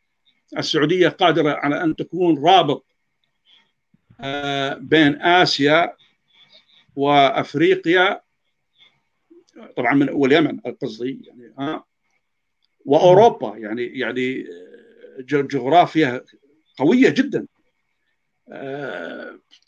ف يعني أنا أنا ما أشوف إنه راح يكون في مشكلة حتى لو ما في بترول أنا ما أشوف إنه يعني إن السعودية راح تكون فقيرة. لا بالعكس. بالعكس. والله ما نعتقد يعني لأنه الموقع اللي فعلا يربط بين الشرق والغرب اللي هي يعني منطقة الرافدين زي ما بيقول هي العراق سوريا الأردن إسرائيل فلسطين سوريا. هذه هي المنطقة اللي تربط أصلا يعني بشكل أقوى بين الشرق والغرب.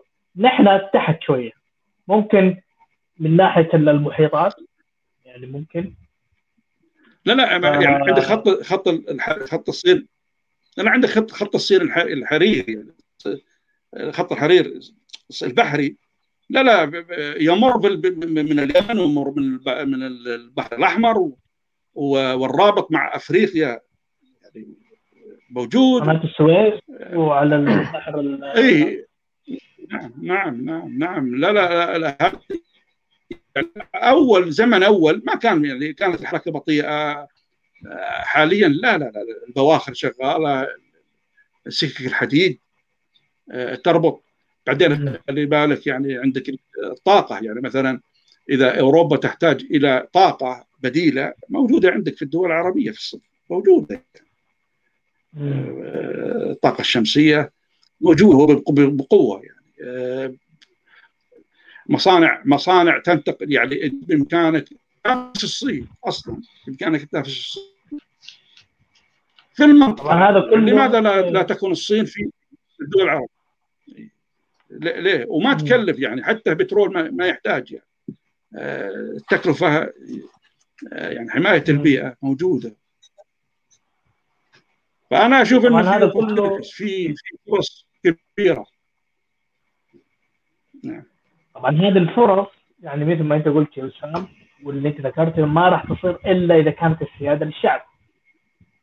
ف 100% ننتظر لما الشعب ننتظر لما الشعب يعني يحصل على سيادته. بعدين نشوف إيش اللي حينقدر نسويه إيش اللي يمكن يسويه إيش اللي يصير. وكم حيكون يعني مستقبل. شوف شوف أخ... شوف عزيزي أمين. لا يمكن لا يمكن إنه يجيك واحد عبقري يعني يعني يفرض عبقريته على العالم ويقول لك أنا أبي أسوي مثلا مشروع بيوم ويجيب هذا ويجيب ذا وعلى أساس إنه يعني عبقرية. هذا كلام ما عندما يأتي البرلمان مختصين كل هذا المختصين عبارة عن قمم في مجالاتها زين؟ فالمشروع لن يكون قائم على واحد عبقري لا. راح يكون قائم على عبقريات. هذا هو هذا هو الشعب. الشعب يملك عبقريات. فيبرزهم مو يدفنهم ويهمشهم ويستخدمهم لأسماء يعني اللي تحت حكم مطلق. لا لا هو إبرازهم. هذه يبي فلوس ياخذ فلوس حقه. طيب هذا هذا يعني نوع من الحافز طيب ننقل السؤال للمستشار أبو تركي. يعني يعني بعد هذه الأحداث اللي إحنا شفناها في الأيام الأخيرة يعني كيف ممكن راح يعني هل مثل هذه الأحداث ممكن راح تصير إذا كان يعني الشعب يملك السيادة؟ آه لا اذا إذا كانت السيادة للشعب اولا سوف الشعب هو اللي يسوي دستوره والدستور هذا سوف يحاكم الرئيس محمد بن سلمان. لو السياده للشعب محمد بن سلمان يحاكم على اللي سواه مع جمال وسواه مع المعارضة ملاحظتهم الشعب هو الذي سوف يحاكم. لو كانت يعني السياده لله كان بايدن ما جاء كلم سلمان ويقوم يعني يغازله ويدلعه ويعني كان كان لا كان بايدن يخاطب الشعب نفسه. لو كانت السيادة للشعب كان بايدن يتكلم عن حق تقرير المصير عن عن البرلمان عن عن أنه يطالب بالحفاظ على السيادة للشعب. يعني ليس بس يطالب ب بجزء من من حقوق الإنسان زي يعني حق المرأة وكذا لا. لو السيادة للشعب كان الحقوق السياسية والمدنية والاجتماعية والثقافيه كلها يطالب فيها بايدن الآن. المنظمات هذه الآن اللي تطالب بحقوق المرأة بس لو السيادة للشعب ما تتجرى بس تطالب بالشيء ذا كانت تطالب بالسيادة للشعب بكل الحقوق حقوق الشعب. واولها الحقوق السياسية اللي هي السيادة للشعب. كان ما يتجرأ أي أحد كان ما يتجرأ أي أحد يمين ينقلب على الشعب. لو كان السيادة للشعب لا محمد سلمان ولا أبوه ولا أسرته ينقلب عليه ويأخذ السيادة منه. لو كانت السيادة فعلا للشعب والمنظمات تدعمه على هالمبدأ. والشعب لو كانت السيادة للشعب ينقل ينقل الصورة ذي للعالم وللدول أن السيادة لي أنا كانت تدعمه لو كانت السيادة له. فتزيل أي أحد يبغى ياخذ السيادة من الشعب تزيله زي أصحاب السيادة لله. تزيلهم وتثبت السيادة للشعب. لو كان السيادة للشعب يا أمين كان القوانين من من نفس الشعب. كان محمد سلمان يحاكم كان بايدن يدعم السيادة للشعب. كان المنظمات هذه تدعم آه، حق تقرير المصيري لكن السيادة ما هي ما هي للشعب الآن. السيادة لله اللي هم الوهابية. وأنا يا أمين بس يعني تعقيب يعني أنت تقول ليش أنت تدخل في إيران وما إيران؟ إيران إحنا معنا معنا معارضة فيها ولايه ولاية الفقيه. معارضة حق ولاية الفقيه. وإيران تدعمها. يعني هذا شيء ذي ويعني فكلهم متداخلين مع بعض. يعني وإيران تدخل عندنا. فهذول كلهم مع بعض. شوف أنت المعارضه الآن عندنا. ولاية الفقيه وهذه ولاية الفقيه مين مين مين اللي اخترعها؟ يعني ولاية الفقيه من اللي جابها؟ إيران. إيران اللي هو الخميني وكذا. هو ولاية الفقيه من إيران فما أقدر أقول أنا إيران ما لها دخل. لا إيران الخميني هو اللي أول يعني هو هو ثاني شخص قام بولاية الفقيه دي فنشرها في في الخليج. فيفترض إنهم تبعهم له الإيران يعني. فيعني وحتى انت تجد تجد إن إيران إيران تقتل معارضين وتقتل المعارضة اللي يعني المعارضه السعوديه اللي تابعة يعني ولايه الفقيه ما ما تنتقد إيران ما تنتقدها ولا وليست المعارضة لولايه الفقيه لا حتى بعض المعارضة التي ليست من ولايه الفقيه تسكت ما تنتقد إيران على قتلها اللي في سوريا أو في أو أو الحوثي حتى بعضهم بعض المعارضة تقول الحوثي شرعي شرعي أي شرعي الحوثي هو هو يقتل شعبه وعنده السلالية وعنده فيعني يعني بس يا أمين يعني لو كانت السيادة للشعب كان كان يعني يعني يعني يعني السيادة للشعب هي التي طغت على أصحاب السيادة لله. نعم يعني فعلا لو كانت السيادة للشعب كان الإنسان يعيش حرا في البلد اللي بتسمى بالسعودية. طيب شكرا لك وسام شكرا لك أبو تركي شكرا للمستمعين والمشاهدين الكرام آه على هذه الحلقة وعلى أيضا مشاركتكم آه كذا كذا نكون نحن وصلنا لنهاية الحلقة أتمنى يعني آه هدفنا طبعا من البرنامج هذا إنه بنخلي الواحد يفكر ويسأل نفسه يعني كيف لو كانت السياده لي أنا كإنسان في البلد اللي أنا بعيش فيه إيش كان ممكن أنا أقدر أسوي؟ هل هذه المشاكل اللي إحنا بنعيشها الآن والأزمات اللي بتمر علينا آه والاوضاع اللي إحنا بنعيشها كان حصلت ولا لا؟ طيب شكرا لكم وأتمنى لكم يوم سعيد ومساء جميل وليلة سعيدة للي بيناموا لأن عندنا مساء الآن في إستراليا وأيضا في نيوزيلاند ومتأسفين يا وسام على التأخير يعني يبدو الوقت متأخر عندك الآن. آه شكرا لك. أيضا يعني مرة أخرى على مشاركتك. شكرا لك أبو تركي مرة أخرى.